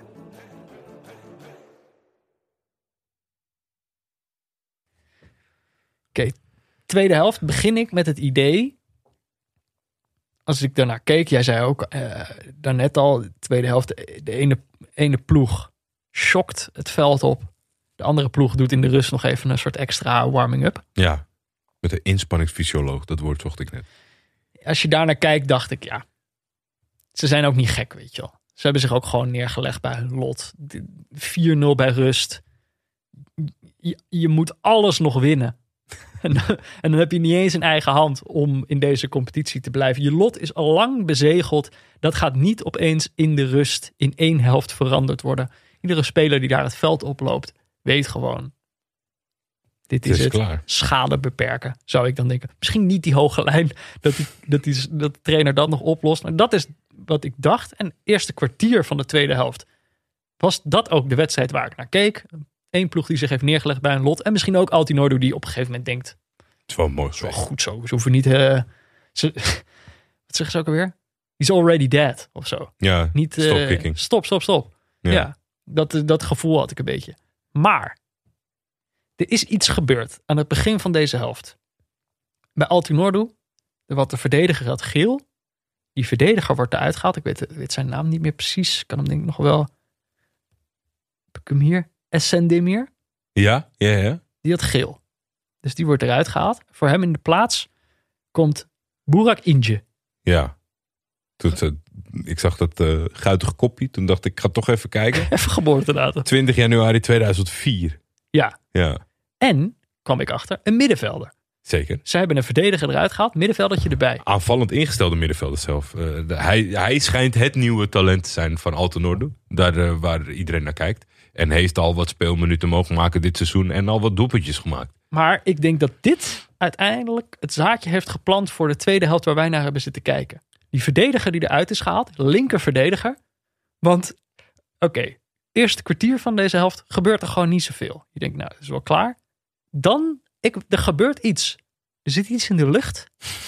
Er breken gewoon doldwaze minuten aan. Dit was echt toch eh, bizar. Ik denk dat we het gewoon even moeten opsommen wat er eigenlijk allemaal gebeurt. Er komt eerst een gigantische kans voor Eskisheer. Keeper komt, eh, komt goed uit. De bal wordt heel hoog eh, overgeschoten. Het was Ja. een beetje waar ze zelf door verrast. Ze hadden opeens de kans op 4-1. Dat was gewoon eh, te spannend. Bal tribunes ingegooid. Ja, ik, baal, ik baalde er echt goed van hoor. Want eigenlijk, toen jij het aan het tikken was, toen stond ik nog op de bank. Want ja, ik, ik weet je wat het is? Ik voelde gewoon de pijn van die jochies. En ik dacht van, weet je, laat het dan... dat is gewoon echt wel zo'n moment voor zo'n jochie om een doelpunt te maken. En misschien zichzelf dan wel in de een kijker. beter. Ja, precies. Dus ik, ik, oh, het- hij schoot hem zo keihard over. het was zo'n goede aanval. Om toch nog even te omschrijven, dit gevoel, voordat we naar de doldwaze minuten gaan. Ik dacht namelijk ook, toen ik naar deze wedstrijd zat te kijken. Er staat gewoon niemand op het veld die, die liever bij Eskişehir zou spelen dan bij Altinordu. Je wilt toch gewoon, iedereen wil dan toch gewoon bij zo'n club spelen. Bedoel, oké, misschien dat je geen zin hebt om tomaten te plukken. Of om te schaken of zo. Maar een club waarin het zo goed geregeld is. Ja. En dan speel zeker, je zelf bij een club waar het zo'n bende is. Dat is dan toch ook moeilijk tijdens zo'n wedstrijd. Om dan te denken van, ik wil gewoon bij hun spelen. Als je zelf ook 16, 17 bent. Denk je toch, waarom zit ik bij deze, Ja. deze club? Bij, dat is natuurlijk wel qua, qua contrastering in, in dit geval, in deze wedstrijd voor dit seizoen wel het grootste. Ja. Er zal altijd wel iemand rondlopen bij een andere club die zegt, "Ja, ik ben hier op mijn plek of eh, ik wil niet bij het grut lopen. Nou, en ik kan me voorstellen als er publiek bij was geweest. Dat je zegt, kijk dan. Dit, is, waar, dit krijg je niet bij Altinordu. Deze, Ja. dit, je krijg je niet de band. Nee, dit krijg je zeker niet. SS Bando eh, erbij. Eh, wat er na die gigakans gebeurt, is nog wel geen idee waarom. Eh, een prachtige 5-0 van Ahmed Dereli. Dat je Ja. denkt van, och, weet je, dan heb je net die emotie van die, van die eretreffer voor Eskische. Meteen de kans daarna. Ja. Maakt hij het weer gewoon, zet hij ze met beide voeten op aarde. Een prachtige lop over de uitgekomen keeper heen. Waarom die keeper uitkomt, Joost zal het weten. Omdat hij waarschijnlijk geen keeper is. maar de scheidsrechter, die ziet een hensbal. Ik heb, eh, ik heb hem niet gezien. De commentator heeft hem niet gezien. Nee, veel We zijn herhalingen. eh, veel eromheen gedraaid. alle shots gehad, niet gezien.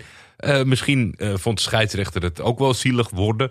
Maar Aanval, aanval die daarop volgt. Aan de andere kant van het veld. ja, blijkbaar vond hij het niet zielig voor Eskişehirspor. Want eh fantastische aanval over de flank. Jongen legt hem terug in het strafschopgebied waar zijn collega staat. En, de en die bal wordt halverwege onderbroken door een hand van een speler van Altenordu. Ja.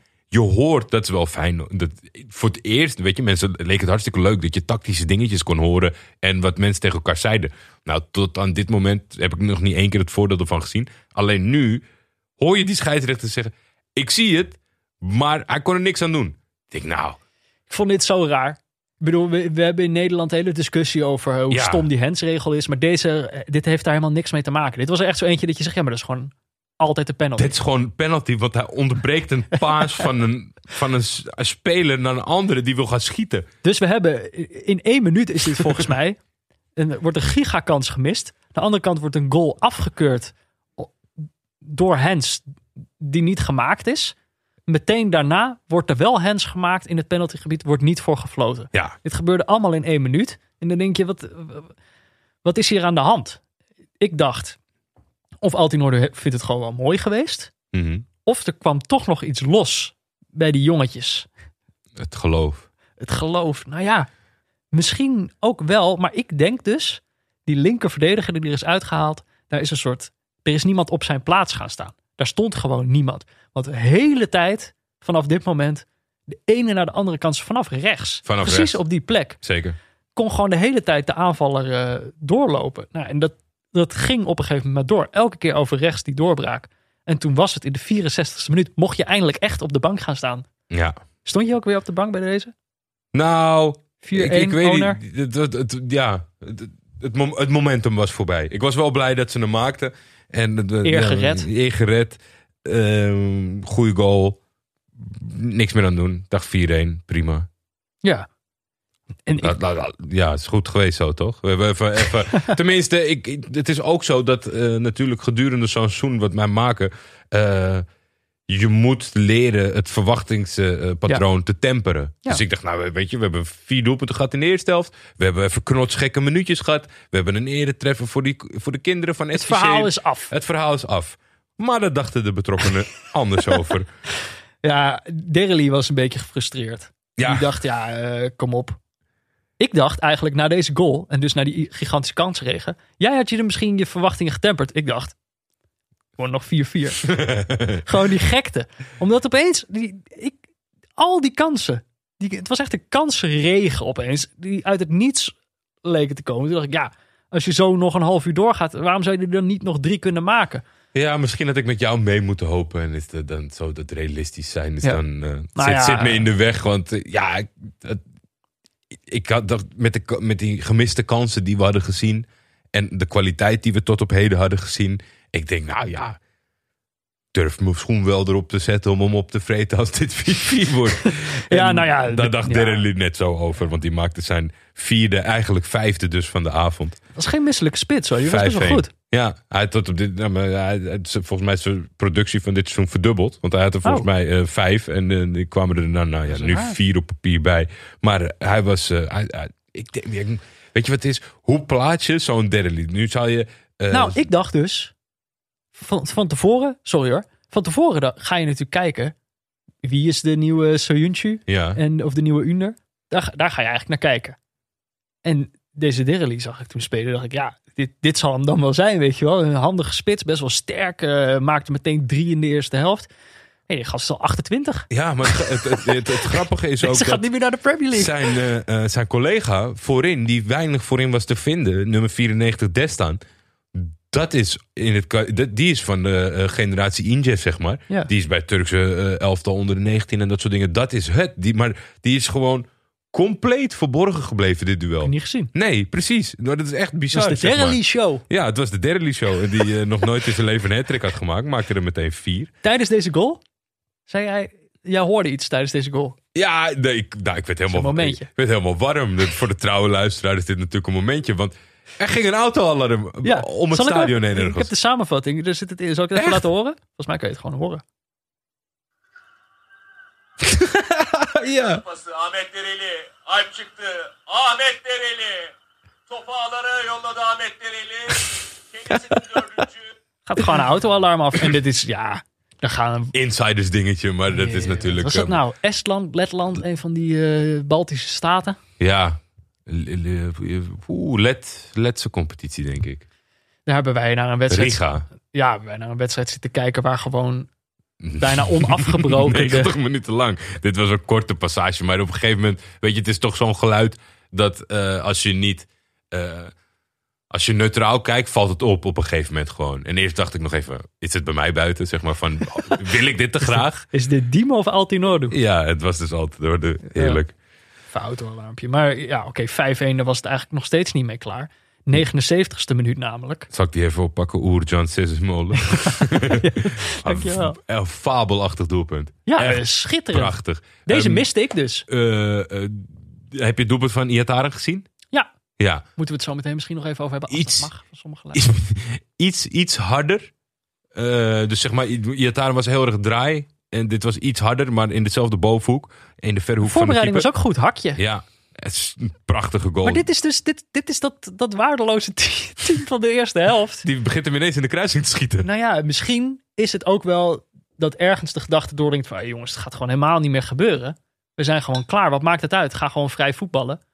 Ja, en maar eh, dat is, dat, dan kan dat, dit opeens. dat was mijn hoop bij aanvang van deze wedstrijd. Omdat wat jij... We hebben natuurlijk geschetst hoe kansloos de situatie is. Ja. Ik dacht...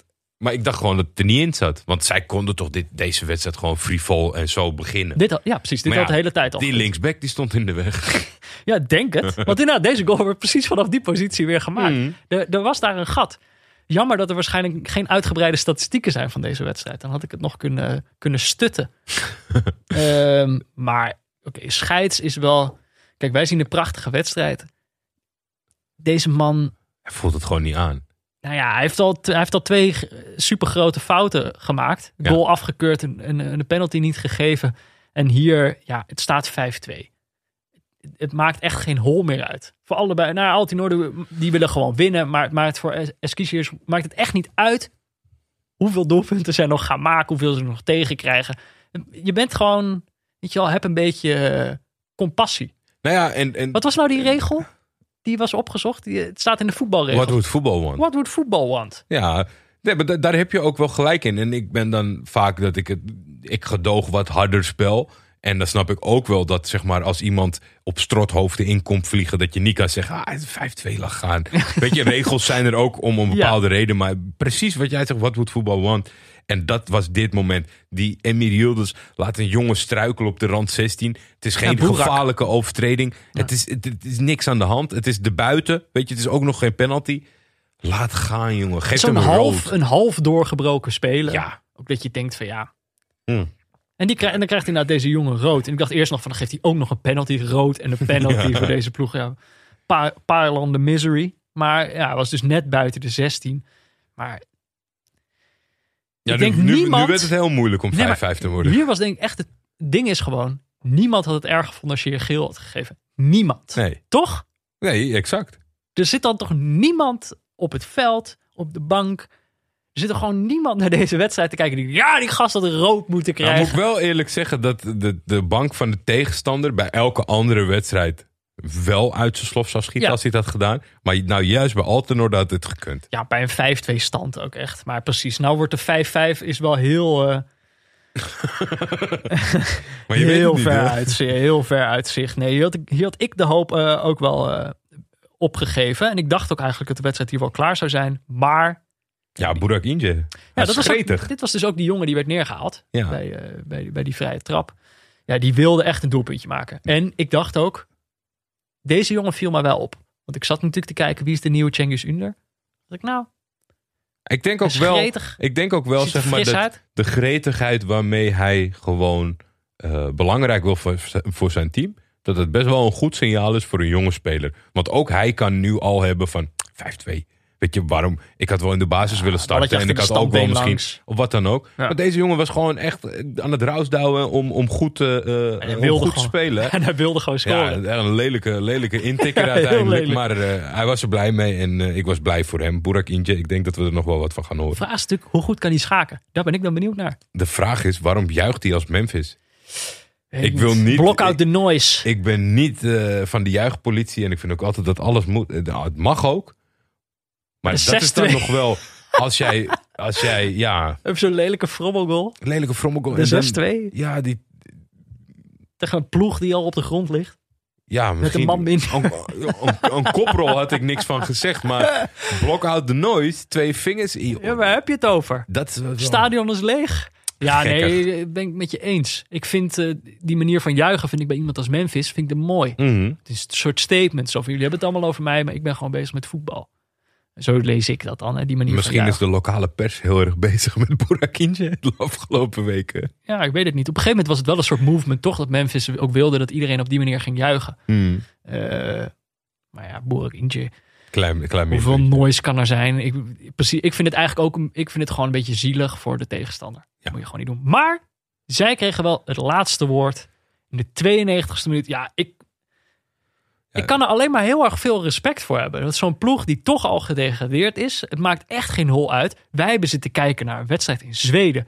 Tussen twee ploegen die konden degraderen. Die het gewoon 90 minuten niet voor elkaar kregen om een beetje fatsoenlijk te voetballen. Hier een ploeg die al 6-2 achter staat. In de blessuretijd zorgen zij nog, of gaan zij, doen zij nog de moeite om een doelpunt te maken. En dan lukt het ze nog ook. 6-3. Ja, 6-3. Vlak voor het slotsignaal. Ja, vond ik gewoon. Een neutraal kijkersrecord, maar dat was het denk ik een half uur geleden al. Negen Ja. doelpunten.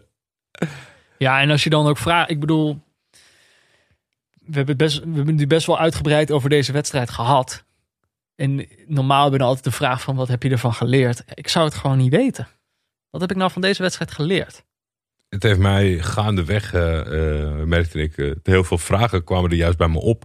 Normaal vallen sommige dingen op hun plaats en zijn Ja. er vragen of, of Normaal stellen we aan het begin een vraag en aan het einde geven we een antwoord. Worden, de, worden bepaalde vragen beantwoord op een of andere manier. En nu zijn er gewoon, ja, wat, wat, wat, wat valt er? De- weet je, dat is net waar ik wilde daar nog naartoe met Ahmed Derli. Daar kan je nu een filmpje van maken op, op, met Scout en op YouTube zetten. Ja, gaat hij toch naar de Premier League? Ja, dan gaat, ja, je hebt best kans dat West Brom zegt: God, die moeten we hebben. Maar ja, we hebben het ook gehad over, de, over eh, of, de, of de man op het doel al dan niet een doelverdediger was. Weet je, dat is ook het perspectief wat helemaal mist in de duel. Dit is misschien... Zou het kunnen? En het is misschien niet eerlijk om te zeggen. Want het is eh, geen goede ploeg en zo. Die keeper... Ik heb, ik, zit, ik heb die samenvatting terug zitten kijken. Op een gegeven moment, hij kan die ballen gewoon hebben. Als hij zijn hand wat verder heeft uitgestoken. Zou het kunnen? Kijk, dit is een team. Deze jongens, als ze een shirtje willen ruilen, moeten ze zelf betalen. Nee. Nee? Nee, nee, nee. Absoluut dit is niet gefixt? Nee, absoluut niet. Nee. Omdat het... En, maar misschien is het Peter, alleen je maar... hebt 90 minuten gezien hoe slecht ze zijn. Dit is de domste, de domste investering die een fixer ooit gedaan heeft. Oh, dat hoeft niet, zeg maar. Nee, tuurlijk niet. Je had, hier, je had hier geen geld aan. Nou, maar misschien wel op dingen als 4-0 bij rust. Of. eh, Kijk, nee, maar ik denk uiteindelijk. Ik, dit kan ik natuurlijk niet bewijzen. En die keeper was gewoon niet zo goed. En ik weet niet, misschien was het al de vierde of vijfde keeper. En dan is het niet eerlijk om dat te zeggen. Hij had die. Ik bedoel, het ziet er gewoon gek uit. En misschien is het alleen omdat het slow motion is. Maar dan moet je de opmerking misschien eerder zien. als dat dit ook gewoon niet voelde als een normale wedstrijd. Die het misschien ook gewoon niet was Nee. door de situatie waarin allebei deze teams zitten. denk- en doordat het dus twee uitersten zijn, is het eigenlijk helemaal geen wedstrijd. Nee, ik denk dat dat het meest duidelijke naar, naar voren komt. Dat, dat je een heel atypische wedstrijd hebt gezien. Wat misschien dan geen wedstrijd was. Maar ik, kijk, wat ik wel grappig vond om te merken, is dat jouw voorkeur tijdens deze wedstrijd ging gewoon echt meer uit naar Eskişehirspor. Ja, Toch? Ja, ja wel. Jij, bent dan, jij houdt dan toch van de underdog. Terwijl ik merk bij mezelf, ik, als ik dat stuk in The Guardian lees over hoe ze het daar aanpakken en hoe uniek zo'n aanpak dan is in, in Turkije. Ja, ik wist Ik, al, vind, ik hou daar dan gewoon ik wist van. al toen ik zag dat zij een filosofie-page hadden. dat jij gewoon een soort van Altenorde supporter zou worden Nou ja. bij, bij Volbad al. Maar ik, Nou, is bij ik ben mij er heel natuurlijk gevoelig ook, eh, voor. Eh, ja, ik, ja ik, ik, ik snap het wel. Ik vind gewoon... eh, eh, kijk, als dit allemaal oude vandaag... Eskişehirspor heeft ook wat vervelende dingen op hun kerfstok in het verleden. Dus eigenlijk zou ik zo'n soort van moeten haten. Mhm. Maar als die betrokkenen daar, zeg maar... De, de dingen die ik slecht vind aan het Turks voetbal... als zij daar nog zouden rondhangen... dan stond ik eigenlijk te toeteren buiten... van dat ze, had het voor mij 10-0 mogen zijn. Ja. Maar ik zie toch gewoon reddeloze jongens in een Die kunnen er allemaal niks aan doen. ja, maar in een gigantisch land met zoveel mogelijkheden, waar voetbal nummer één sport is, die gewoon eigenlijk niet weten wat ze aan het doen zijn. Ja. Ik word er zo, zo, zo hopeloos ellendig van als ik zie dat, dat zo'n ploeg, waarvan eigenlijk dus niks meer moet en eigenlijk niks meer te maken heeft met, met, met professioneel voetbal, dat er niet gewoon iemand ergens daar in woont met een UEFA-diploma. Die zegt, jongens, weet je wat, we gaan gewoon van de grond af aan beginnen. Het is gewoon, ik denk dat eh, alle betrokken spelers van Eskişehirspor gaan we niet eh, op korte termijn eh, ergens anders zien. En is hun carrière misschien wel Ja, die keeper. naar de Ik weet het niet. maar ehm, dan kunnen we misschien toch concluderen dat de totale mensen van Altinordu eh met 6-3 een prima dienst hebben bewezen. Zeker. Toch? Jawel.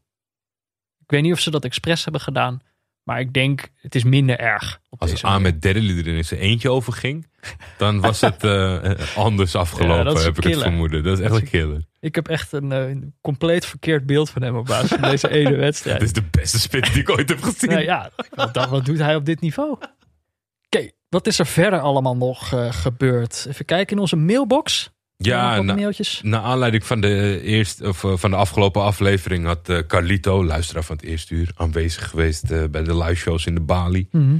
Een prachtig verslag geschreven over een bezoek aan de interland van zijn Colombia. Maar het was langer dan een minuut en niet in audio. Dus Carlo, ik heb ervan genoten, maar het zal voor de mensen altijd een vraag blijven. Ja, dat wat is, jij hebt gestuurd. dat is zo. We kunnen niet onze hele mailbox natuurlijk voorlezen. Maar je moet wel weten, dan hebben misschien on- niet al onze luisteraars daarvan genoten, maar wij wel. Ja, wij hebben er absoluut van gelo- eh, genoten. En als we het hebben over ellenlange verslagen die we niet elke week kunnen voorlezen, dan is er natuurlijk eh, de feedbackronde van Bertje Depla. Ja, Ja, maar daar geniet ik wel elke keer weer van. ik, ik dus ook echt. En eh, Bert, zolang je het leuk vindt, blijf het vooral doen. Wij lezen het met een gigantische glimlach en zijn altijd benieuwd naar jouw perspectieven. Ja, want van het zijn een ook... Belg in Ierland. Precies. Het, Het zijn meerdere perspectieven bij elkaar. Ja, dus eh, dankjewel Bert. Misschien kunnen we er deze, deze zomer nog, nog van profiteren tijdens het EK. Even kijken.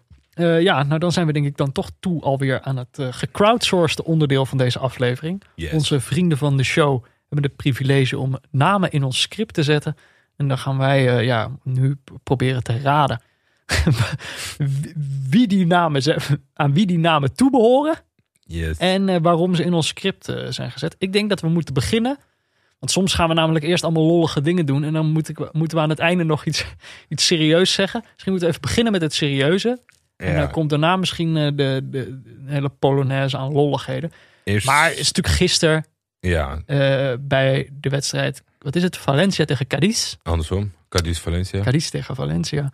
Is, eh, is wat gebeurd. Ja, Garincha 14, Wiebe en Janko. Janko had Valencia erop staan en de andere twee hadden Mukhtar Diakibe, Diakibe, Diakabi. Diakabi eh, erop staan. Eh, eh, gisteren echt, ik septe over, omdat volgens mij Nederlands voetbal was afgelopen. Volgens mij was Ajax net afgelopen. En eigenlijk ging ik niet echt meer kijken. En stond Cadiz Valencia op als achtergrond. Mhm. En op een gegeven moment eh, was er een, was er een, een moment waarbij een speler eh, van Cadiz heel veel theater maakte na een overtreding. Die hij zelf maakte, zeg maar. Om dan, Mhm. Dit vind ik altijd een mooie poging om geen geel te krijgen. Dus als je iemand slaat en pijn doet, dat je dat zelf ook gaat doen alsof je pijn hebt, zeg maar. Ja. Ehm, Een soort stressreactie. ja, en gaandeweg op een gegeven moment spurt langs het hele, hele spel, zeg maar, enkele minuten later, eh Diakabi sprint voorbij. Die stopt gewoon met het spel uit. Ja, precies. Dus Die dat, loopt op dat, die jongen dat af. valt heel erg op. En, en die, die gaat echt voor Kala staan, eh, de, de speler van Cadiz. En daarom staat Heibel en niet gelukkig, of gelukkig enigszins snel komen de spelers tussen. En het eerste wat mij opvalt is dat eh, twee teamgenoten van Diakabi heel erg woedend zijn, waaronder Gabriel Palista. Wat een soort van halve bevestiging zou kunnen zijn van dat je het of gezien of gehoord hebt. Want er heeft iets plaatsgevonden tussen die twee wat niet een tackle was. Dat Ja, staat al vast. Er is op iets dat moment. gezegd. Ehm, helemaal duidelijk wordt het niet. Op een gegeven moment, eh ja, Mokhtar is niet meer te houden, zeg maar. Het lijkt toch te sussen. De scheidsrechter, de idioot die het zoals altijd is, die loopt naar hem toe om een gele kaart te geven. Kala heeft op dat moment al geel, krijgt het niet omdat vanuit zijn perspectief, hij heeft niks gezien, hij heeft niks gehoord. eh die eh, Diakabi start het tumult en daar krijgt hij geel voor. Dan komen ze op het punt aan dat ze langzaam met een klein select groepje van het veld lopen. En dat worden er steeds Bij meer. Valencia, Bij ja. Aan de kant van Valencia. Daar gaat heel, de ploeg van Valencia gaat naar binnen. Eh, Oké, interessant. Je ziet eh Cadiz een beetje een schifting maken van wat gaan wij doen. Eh, een hele flamboyante trainer hebben ze wat dat betreft. Met een kek baardje en een brilletje. En die zit een beetje te overleggen. En wat ik heel erg zie. Maar ja, weet je, een luisteraar zou zeggen van... Je zit achter je tv, wie ben jij nou te boren? Als dit mij zou overkomen ten onrechte... Want in deze fase is wel duidelijk dat eh, Diakabi suggereert dat hij wat, dat Kalla wat gezegd heeft tegen hem van racistische aard. Ja. Als iemand dat tegen mij zegt dat niet zo is, dan denk ik dat ik of heel woedend word, echt van het kaliber Mukhtar en die confrontatie aanga. Ja. Of dat je een soort van wanhoop of, of, of, of iets. En wat ik bij deze jongen las, was vooral van, oh shit. Weet je, want het is, in het, in, het is in het voor, in het is in het, in het, in het voorbijgaan heeft het plaatsgevonden. Ze zijn in Spanje heel ver met liplezen en camera's en dat soort dingen. Ik zag heel erg, oh shit. Nou ja, dan gaat het natuurlijk een beetje leven. Wat gaat hier gebeuren? De- uiteindelijk gaat Cadiz ook naar binnen. En ik zat thuis, velen met mij, die dan of zijn ingeschakeld of toevallig ook zaten te kijken. Hartstikke trots op Valencia. Een ploeg die een keer een statement. Ik vond het al tof om te zien dat zijn teamgenoten echt voor hem opkwamen. En dat ze met z'n allen van het veld aflopen. Niks aan de hand. Even afwachten, kijken wat er gezegd wordt. Spaanse media zegt dit, Spaanse media zegt zo. Eh, er komen al wat krachttermen voorbij wat er gezegd zou zijn. En op een gegeven moment krijg ik een tweet van Ricardo Walensky. Mijn beste vriend overigens hier. Die, eh, die zegt, ik zie een centrale verdediger warm lopen. De positie van Diakabi. Ja. Ik denk, oh nee, dit gaat toch niet gebeuren? Valencia wisselt Diakabi. Kala blijft op het veld staan. Ja, De wedstrijd wordt door. hervat. Ja. Eh, Dit, dit, dit is het moment dat bij mij... De moet je in de schoenen Ja, zoekt. eh, ja, echt. Omdat wat, wat, wat, moet je, Ja. wat moet je hier nou mee? En dan krijg je die- Uiteindelijk komt, daarna komt dan naar buiten. Je- Wat er gebeurt is binnen in de kleedkamer. Is dat Diakabi zelf ook heeft gezegd. Ja, Speel maar door. Want er wordt vanuit de competitie druk uitgeoefend. Op eh, Valencia in dit geval. Ja, en dat, en wordt dan, hem. maar dat wordt dan meteen ook zo verkeerd geïnterpreteerd. Want weet je, social media is gewoon zo walgelijk. En ik, ik, ik kots echt van, van, van mensen die op een of andere manier... Waar, als er, altijd als er dit soort momenten zijn... probeer ik daar wat van te vinden en is mijn standpunt bekend, zeg maar. Maar dan, weet je, dan merk je al gelijk gewoon alleen in dat voetbalgebeuren waar het, ik probeer de politiek, dat mensen dat dan ook weer meteen verkeerd en vals interpreteren van, oh, misschien heeft hij zelf wel gezegd dat ze terug het veld op moeten. Ja, waarom heeft hij dat gezegd? Omdat het helemaal door en door rot is. Ja. En Gaia, Gaia, die geeft na de wedstrijd het interview. Die geeft aan van, zij hebben ons verteld, als jullie nu niet doorgaan, gaat het jullie punten kosten. En toen heeft hij gezegd, ga dan maar jongens. Ja. En niet als een soort. En dan krijg je een statement van het Valencia- Valencia-account van. We gaan terug het veld op, want wij gaan strijden omdat we hier tegen zijn. Flik toch op, man. Je, bent gewoon, je scheidt in je broek, omdat Valencia heeft een kutseizoen. En misschien halen ze wel meer dan drie punten eraf. Ja, wat Dat dat, is- betreft, wat dat betreft zou je kunnen zeggen... Valencia had daar de poot stijf moeten houden. Maar Ja. ik snap deze situatie. En ik, eigenlijk wat natuurlijk gewoon oneerlijk is... is dat, eh dat Diakabi hem is onrecht aangedaan. Hij, hij is racistisch uitgescholden op dat veld. Daar twijfel ik niet aan. Je, ik bedoel, niemand gaat zoiets verzinnen. Ehm, en dat dan uiteindelijk de keuze of de druk ligt dan eigenlijk bij hem. Want als zij niet doorgaan, dan voelt, zal hij het idee hebben dat door hem. Want ik bedoel, hij kan Ja. zeggen: Ik vind dat we niet moeten spelen. Ik ga het niet meer doen. Wat hij ook waarschijnlijk heeft gezegd, hij wordt ook gewisseld. Ja. Maar het probleem is natuurlijk ook, je zou kunnen zeggen, Valencia moet daar de poot stijf houden, hebben ze niet gedaan, dat is zwak. Maar uiteindelijk is het probleem natuurlijk ook gewoon dat je door de competitie wordt gestraft op het moment dat je dit statement wil maken. De vraag Dus is. dat voor Valencia de overweging ook niet zuiver is. Ik vind uiteindelijk, je moet niet gestraft worden door de- competitie als dit de reden is dat je van het veld afloopt. De vraag blijft: word je gestraft? Denk jij dat, dat La Liga het kan maken naar de wereld toe? Op het moment dat, dat zij gisteren hun poot stijf houden. Kijk, Dat is de vraag. Dit is een En grote dat, overweging. dat moet iemand durven. En Valencia is echt, echt wel veilig genoeg om. Kijk, nu bij mij in eerste instantie. Kijk, ik, ik, ik, snap, ik snap het echt wel, hè? Mhm. Maar toch vind ik het erger dat ze een half statement hebben gemaakt. Dus door naar binnen te gaan en weer terug te komen. Dan dat ze niks hadden gedaan. Zoals elke Ja. andere ploeg doet. Moet je ook- was ja. zo dichtbij. En ik, ik geloof niet. Ik geloof echt niet dat je naar de wereld kan maken. Dan ga je zeggen, ja, regels zijn regels, La Liga, sorry.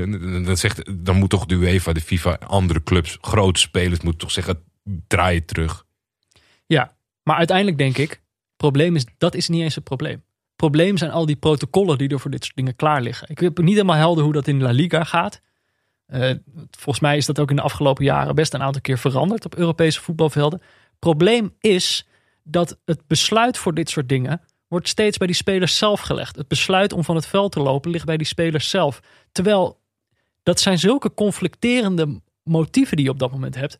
Motief van Diakabi is namelijk niks anders dan willen voetballen. Dat wordt hem onmogelijk gemaakt door een, een tegenpartij die hem niet als gelijke ziet.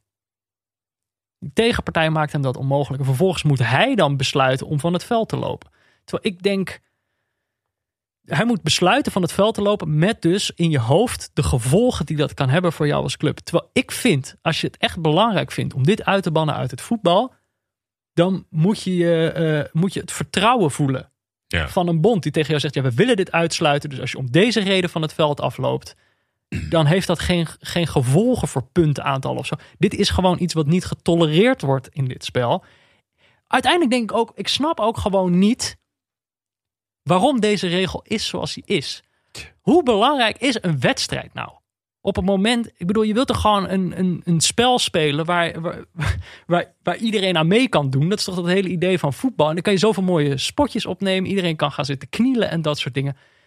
Hoe belangrijk is zo'n wedstrijd nou als dit niet gegarandeerd kan worden? Dus ik denk, die regel moet gewoon overal anders zijn. En ik vind mensen die dan zeggen van ja, maar dat kan dan eh, misbruikt worden en zo. Denk je nou echt Ja. dat iemand dat gaat verzinnen? En dan snap je denk ik ook, als je dat denkt, dan snap je gewoon niet de, ernst van zo'n probleem of zo. Nee. En het is gewoon vreselijk dat dit gebeurt en dat het nog steeds gebeurt. En dat het dit seizoen, ik bedoel, hoe lang is het geleden dat we over die situatie met Glenn Camara hebben gehad? Davinson Sanchez werd ook op deze lijst gezet. Ja. Die is na de wedstrijd van Tottenham, heeft hij ook weer allemaal racistische shit. Ik bedoel, ja, eh, Ja, de, de, de, de, de vraag is, het is, het is volgens mij, eh, eh, het probleem aan zich is niet zo, niet zo makkelijk om op te lossen. Maar hetgene wat jij Wat je ermee wat doet. je vaststelt, is wel heel makkelijk op te letten. Alleen als je zegt van een stukje vertrouwen en, en dan eerder ook wantrouwen bij de mensen die erover gaan. En weet je, het is. Kan, kan, het kan allemaal toeval zijn, hè? Maar wat ik dus las, eh, uiteindelijk even opgezocht heb. eh, David Medi Jiménez, de scheidsrechter van dienst gisteren, die in zijn rapport heeft gezegd dat hij niks heeft gezien of vernomen en wat dan ook. Kan Er natuurlijk, is, ja. er is in Spanje, is er eh, tot op heden één keer een wedstrijd stilgelegd. Of, of eh, eh, gecanceld door geluiden, politiek, dat soort. Zeg ja, maar in de- deze Rayo Vallecano. tegen Albacete. Dan was hij scheidsrechter. En toen zongen de Vallecano supporters naar Roman Sozulia dat hij een nazi is. Ja. En hij komt uit zeg maar, voor zijn extreemrechtse eh, denkwijze. En daardoor Dus- wordt de wedstrijd wel stilgelegd. Dat is één voorbeeld. eh, Dat is deze wedstrijd met deze reden door deze man die nu doet alsof gisteren weer alles niet heeft plaatsgevonden. Ja. En dat is, dat is, weet je, je mag erin zien wat je erin ziet. En ik ben niet zo'n eh, conspiracy theorist. Maar ik vind het toch wel heel, heel toevallig. Ik denk gewoon, ja, als je dit wil, wil oplossen, dan moet je dit gewoon anders aanpakken dan wat je nu, dan wat je nu eh, doet. Ja, Toch? En ik denk, gewoon, ik denk gewoon echt, ook als neutrale kijker thuis op de bank, denk ik, wat boeit die wedstrijd nou?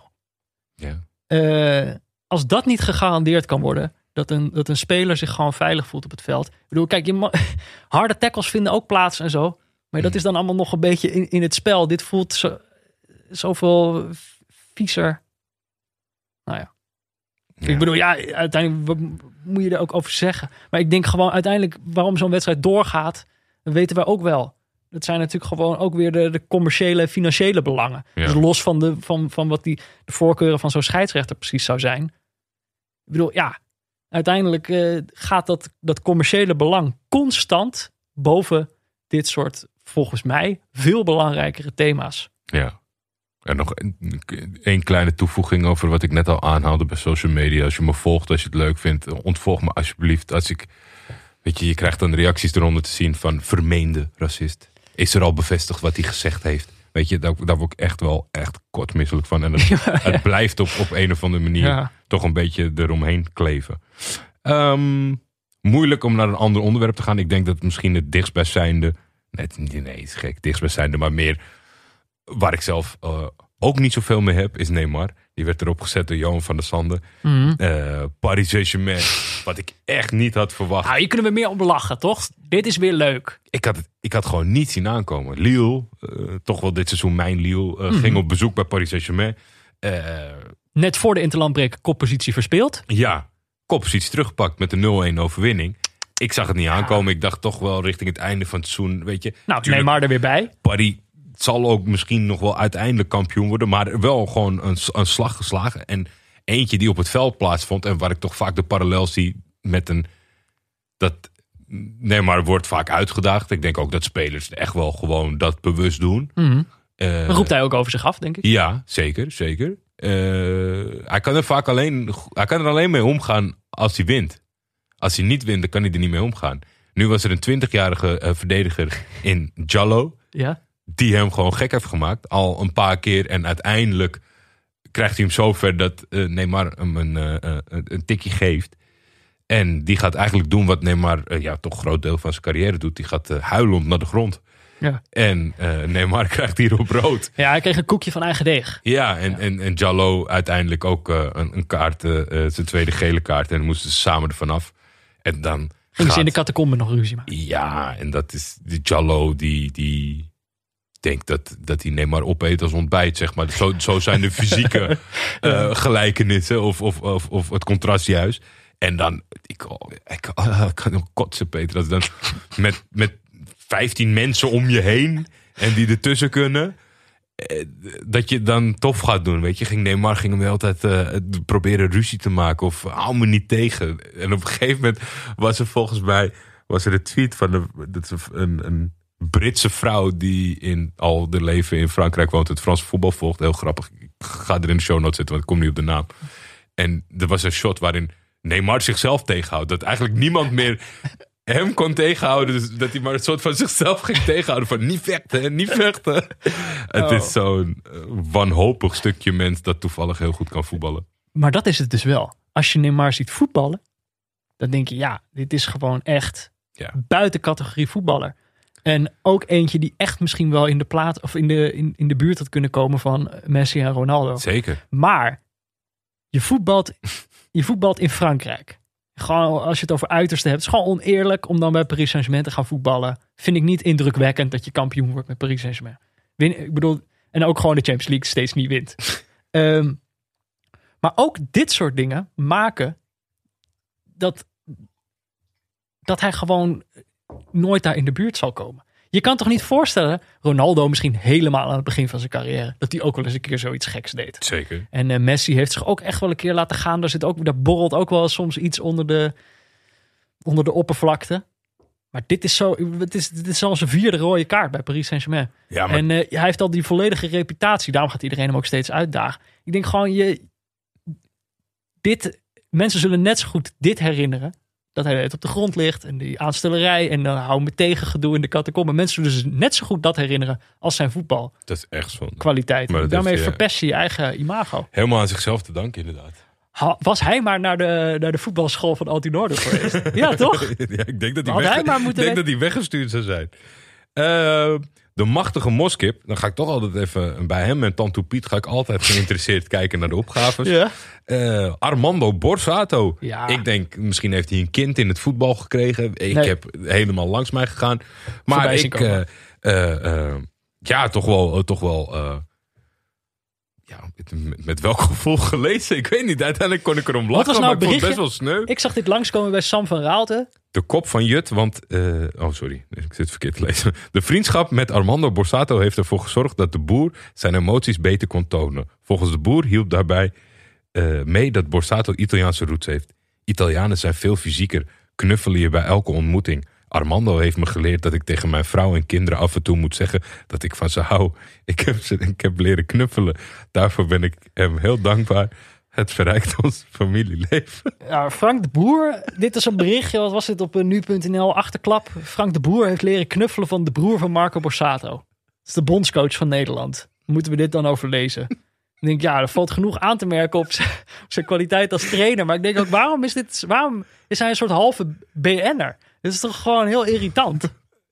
Ja, Ja, de broer van Marco Borsato heeft hij wel leren knuffelen. Ja, ik bedoel dat het een bericht wordt. Ik bedoel, daar doen ze het natuurlijk ook om. Dat Piet Luttige gedoe. Ja. Maar als, kan je je voorstellen? Zoiets komt toch niet naar buiten over Erik ten Hag? Toch? Erik ten Hag heeft leren knuffelen van, eh, nee, van, maar- van Dave Roelvink. je bent toch. Kijk, uiteindelijk is er één schuldige aan, aan dat, we dit, dat we dit lezen. En dat is Frank de Boer zelf. Dat bedoel ik. Waarom, Ja. waarom doet hij dat? Dat is toch gewoon een, een- een probleem? Ik bedoel, ja. Maar ja, dat zit Mem, in Memphis. Die leest dit ook. ja Die waarschijnlijk moet wel. zich straks dan weer motiveren deze zomer. Dat gaat niet gebeuren. Ja. Armando Borsato, die wordt zeker de te- teammanager op het EK. Moet het Nederlands elftal leren knuffelen.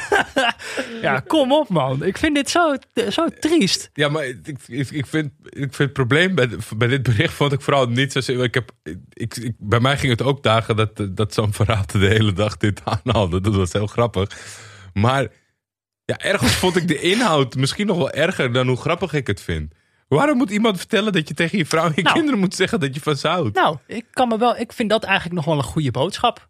Eh, nieuwe mannelijkheid. Niet, waarin het niet erg is om je kwetsbaarheid te tonen. Frank de Boer lijkt mij iemand die dat niet van huis uit heeft meegekregen. Of die dat niet in zijn dagelijks leven Nou. vanzelf doet. Nou, ik, ik, ik wil mezelf best wel een man een man Oh, noemen. ik denk dat en- dit en- geouwe hoer is. Dat ook nog eens. Nou, dat weet, dat, weet, dat weet ik niet. Maar als het echt zo is, dan vind ik het echt zorgwekkend. Het zijn toch... Het is toch gewoon van de riddertijd wil- dat de mannen niet zeiden dat ze iets konden zeggen. Je zegt toch wel tegen je vrouw, ik hou van je. Voornamelijk je kinderen.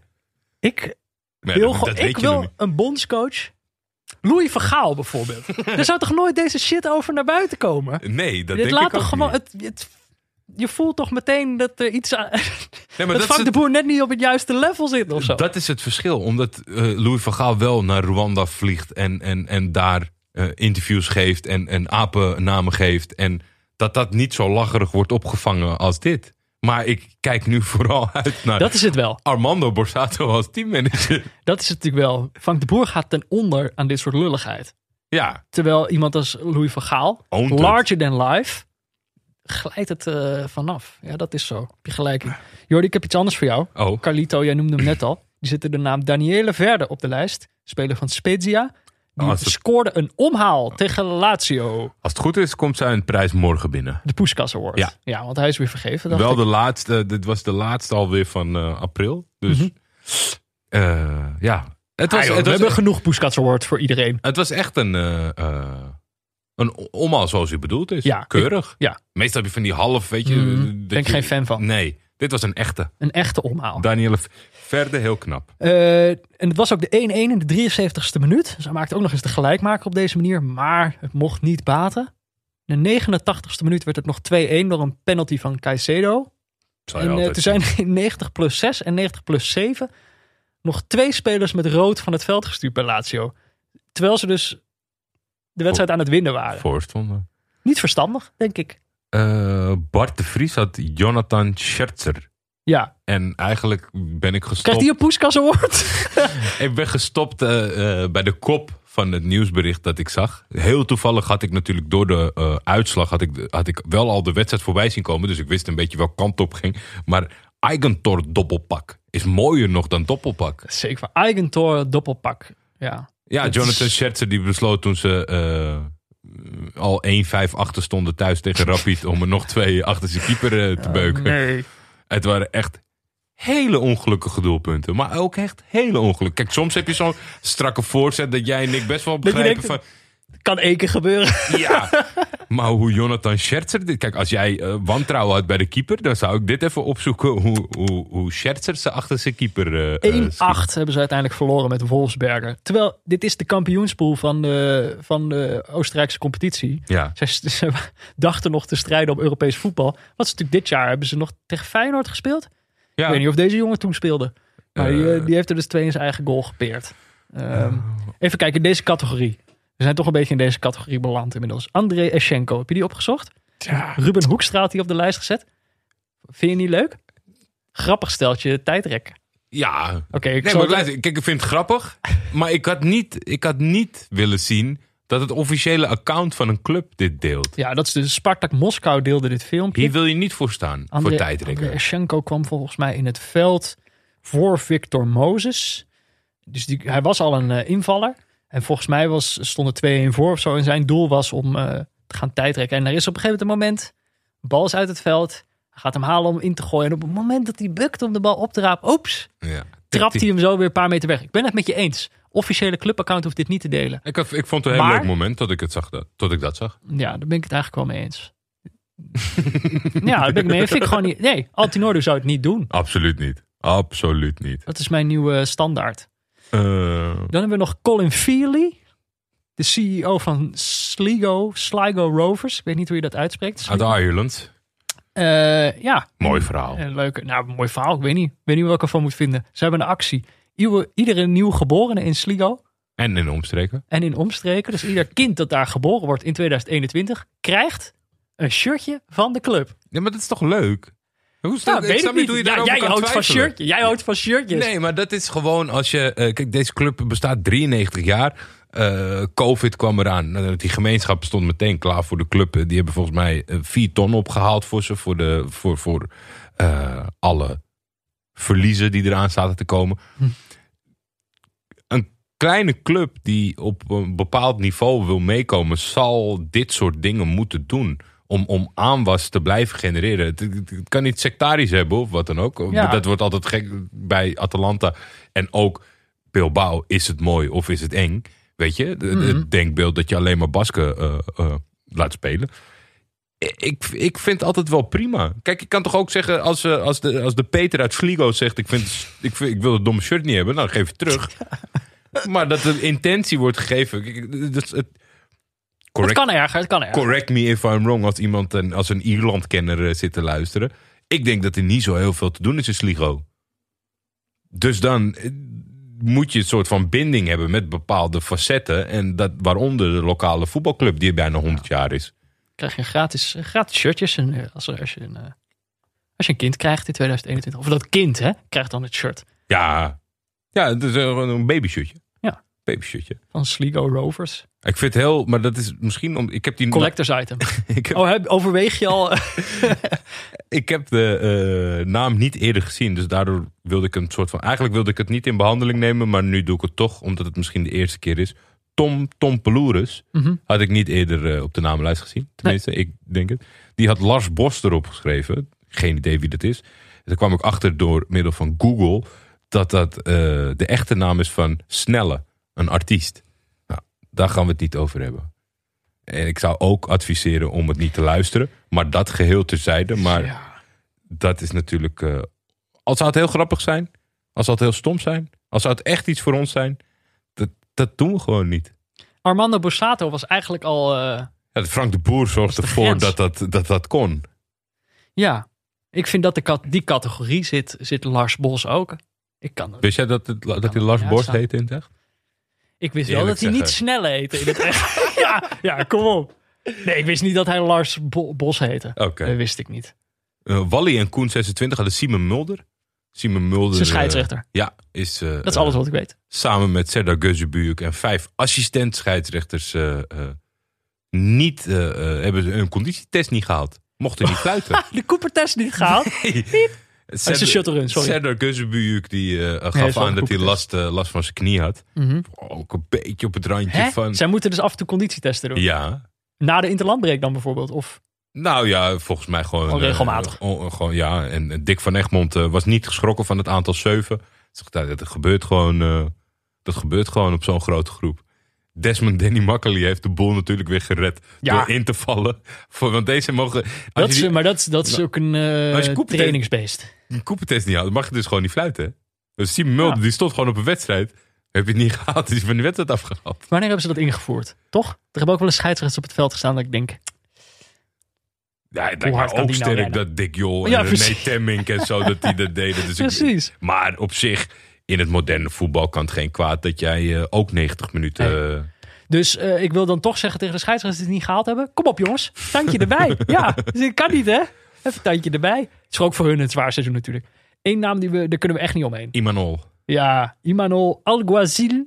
Ken hem, ken hem niet. de trainer van Real Sociedad. Eh, prijs gewonnen. Zeker, Niet zomaar een prijs. De Copa del Rey. We prachtige zijn gewonnen, de finale gewonnen van Atletiek Bilbao.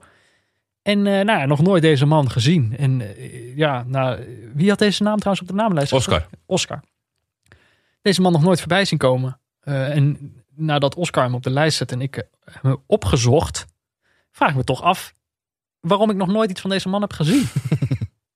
Ehm, Dan lees je toch de tweets van Alaphilippe niet. Nee, Alaphilippe is gek van deze club. Dus dat, je, je had het voorbij moeten zien ja, komen. misschien wist ik niet dat het de trainer was. Imanol Alguazil heeft dus net de Copa del Rey gewonnen met Sociedad. Is geen club die heel veel wint. Dus dat is een momentje. Eh, er is een persconferentie na die eh, wedstrijd. Daar is hij uiteraard blij. Aanwezig. Aanwezig en blij. Aanwezig, ja.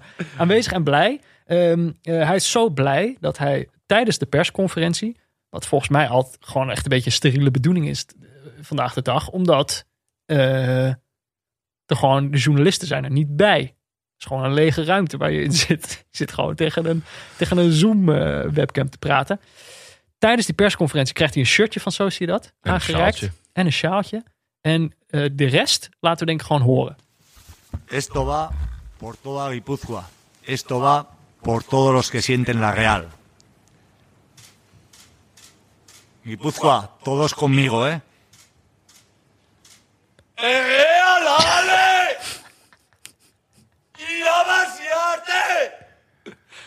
Betiego Gogara Surekin!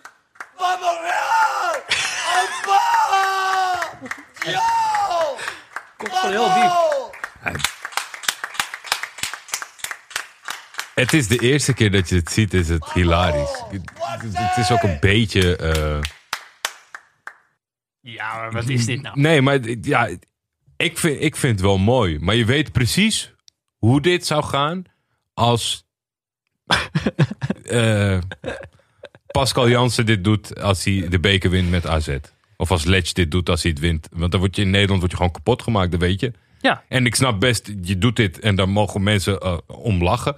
Maar om uitlachen vind ik weer wat anders. Als iemand zo vanuit zijn tenen, zo Ja. fanatiek Ja. is voor de prestatie die hij heeft geleverd met qua duidelijk zijn club. Dan, dan moet er gewoon overeind kunnen blijven voor de mensen die ook zo passievol erin staan. Ja, eens. Maar zingen. Hoezo is, is zingen de enige manier waarop hij deze blijdschap eh, kan uiten? Ik bedoel, je bent ook gewoon de trainer van toch wel een vrij grote club. Ja. Ik bedoel, je, Maar het is toch altijd, is beetje je altijd taak zeg maar, een soort een van eh, bij het behalen van een prijs kan je iets ludieks doen. In, in Duitsland gooien ze een glas bier over je heen. Eh, tegenwoordig zie je heel vaak dat Ja, de selectie bij de persco het komt te ontregelen. jij zegt ludiek. Dit is, dit is niet ludiek. Dat is niet ludiek bedoeld. Deze- het ik kan bedoel, je ludiek moet- overkomen. Je moet weten dat het blijdschap is om het te zien, om het, om het te begrijpen. Deze man, precies wat je zegt, het komt helemaal uit zijn tenen. Ik zag ook nog later filmpjes eh, dat er supporters van Sociedad zich verzameld hadden onder zijn balkon. Zodat hij op zijn balkon stond, stonden allemaal supporters beneden te zingen. Dus ja, hij is ook wel, eh, denk ik, eh, ze houden wel van hem. Ja, ik ook. Maar ja, dat is natuurlijk, ja, die supporters, zo krijg je ze aan je zijde, hè. Gewoon hard een liedje, gewoon opeens een liedje zingen. Maar als dit, als dit niet oprecht is, Peter, daar prikken, Ja. daar prikken supporters Nee, echt wel doorheen. En is, zeker eh, op termijn. Dit is oprecht, maar daardoor ook een beetje angstaanjagend. Ik moet Ja. eerlijk zeggen, ja, ja, Ja, ja, jij, Jij kijkt naar de Turkse competitie, jij bent wel wat gewend. vond Lou- Louis van Gaal zeker ook altijd angst aan jagen. Op zo'n balkon in het Duits. Eh, ja, vond ik ook niet helemaal fris. Nee, dat dacht ik al. Een beetje, Eh, vond ik ook niet helemaal fris. Tanto Piet had een naam. Ja. Waarvan eigenlijk we ervan uitgaan dat de hele media daar de hele tijd over ging spreken. Nu heb ik vandaag ook een beetje de media in de gaten gehouden. Ik heb onderweg hier naartoe uiteraard de NOS vo- voetbalpodcast. eh, Zij openden er zelf mee. Dus daardoor vind ik het wel mooi dat we dit ook vasthouden. Totdat jij hebt prijsgegeven welk spelletje je hebt gespeeld vannacht. En dat wij het helemaal op het eind behandelen. Want iedereen Iedereen heeft het hier al over gehad. nou ja, ik, ik vind het wel grappig, soort van dat. eh, er wordt aangekondigd van, oh shit, nu heeft iedereen het erover. En dat zijn dan ook die mensen die het de hele tijd erover hebben. Dus dat vind ik wel Ja, grappig dat wij hem gewoon even parkeren. Ja. Tante Piet, wacht maar even. Ja. Tot in de blessuretijd. Oké, ik ben er wel doorheen. Ja, ik ook, zeker. Eh, nou, dan moeten we nog één naampje, die er altijd op staat. Ik, ik, ik ben het helemaal kwijt met deze man. Nou Mourinho? ja, eh, hij is het zelf ook helemaal kwijt. Ah, maar eh, oké, eh, ergens dit seizoen ging ik echt van hem houden. Mhm. dacht ik, dit is, eh, dit is iemand die mij wel, die zeg maar ook in lege stadions mij nog het theater kan bieden. Waar ik, eh, waar ik van kan genieten. Ja. José Mourinho. Kijk, met Tottenham is het natuurlijk niet zo goed gegaan. Die, die spelers zijn misschien ook niet eh, allemaal even goed. Mwah. Maar vind, vind ik wel heel, ik denk, hij is hoofd. Nou, hij is, hij is vind ik op wel papier heel, hoofd. heel sneu om te lezen hoor. Same coach, different players. Dat is wat hij gezegd heeft, kort. Nou ja, dan vind ik wel... Het ligt dan- niet aan hem. Nee, maar dan ben je dus wel echt gewoon een waardeloos zak. Kijk, we zeggen het altijd, ik sta op de banken voor hem. Ja. Ik, ik, ik zeg als het goed is. Maar de, toen, Als ik, het slecht gaat, heb je geen zak aan. toen ik die quote las, toen Ja. dacht ik wel, wow. Jij weet het echt gewoon niet meer. Je weet het gewoon niet meer. Ik had een passage ook uit, de, uit een artikel van The Athletic.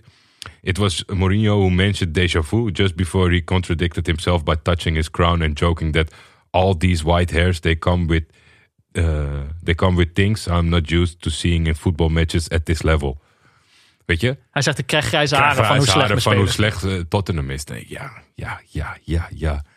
Eh, volgens mij gaat het gewoon hand in hand. Volgens mij hebben deze, hebben deze jongens, het, het merendeel, heeft heel goed voetbal laten zien. En jij krijgt ze niet eh, op het level wat Pochettino op een gegeven moment ook niet meer lukte, maar daarvoor wel gelukt is. Nou, hij krijgt ze niet eens meer op een soort compromis-level. Nee. Want dat je het niet uit deze groep gaat krijgen vooruit. Maar dat je als trainer dan niet de capaciteit hebt. Oké, we bespreken misschien ook te vroeg, hè? Hij kan gewoon nog Champions League voetbal halen. Ja, het wordt wel met, de met, de met de wanprestatie moeilijker natuurlijk. Dus ja, hij staat nu daardoor- vijfde. Ja, het kan, het kan ook nog. Maar wat eh, nu weer eh, eh, weggegeven tegen Newcastle. Newcastle is niet dat je zegt... Nee. Nee, maar ik- zie je het nog goed komen?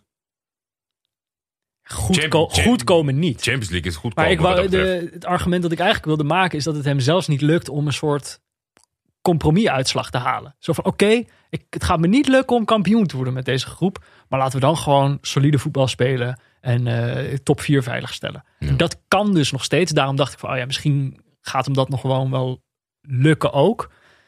Maar dat is niet het, eh, het, het gevoel wat je krijgt eh, bij deze club. Ik bedoel, voor hem is het sowieso klaar. Na dit seizoen gaat hij gewoon weg. Mhm. Kan me niet voor, als, die- als, je, als je blijft, dan, dan wil je echt kapot. Dat is, eh, Ja, dan weet je dat, want dat is eigenlijk hetzelfde als met United. Dan weet je dat er straks in het volgende seizoen een punt komt waarin je ontslagen wordt. ja. Dat kan voor sommigen, ja. voor sommigen ook een, eh, een motivatie zijn hè, om ontslagen te worden.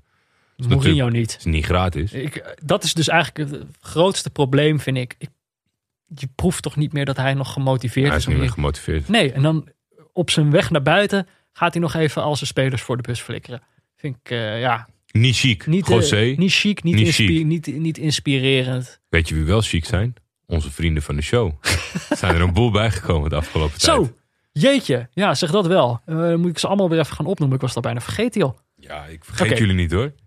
Onze vrienden van de show we hebben er weer een hoop bij gekregen. Namelijk Trieste Ooievaar, Marty Ressing, Damsko Jurovski, Jan met de korte K, Lapswans van de show, Wilco, het dagboek van Ruben van Bommel, inside joke, Bogarde, Tom Tom Ploeris, daar is hij, ja, Nou, dat is inderdaad een nieuwe naam, Thomas K, Woodson, onafhankelijke luisteraars, kijk, zo zien we ze graag, Zo doen de, die, die commentatoren die doen er echt van alles aan om neutrale kijkers niet eh, te noemen. Hè? neutrale kijkers in de klas, Geen idee. Geen idee. Hallo kinderen.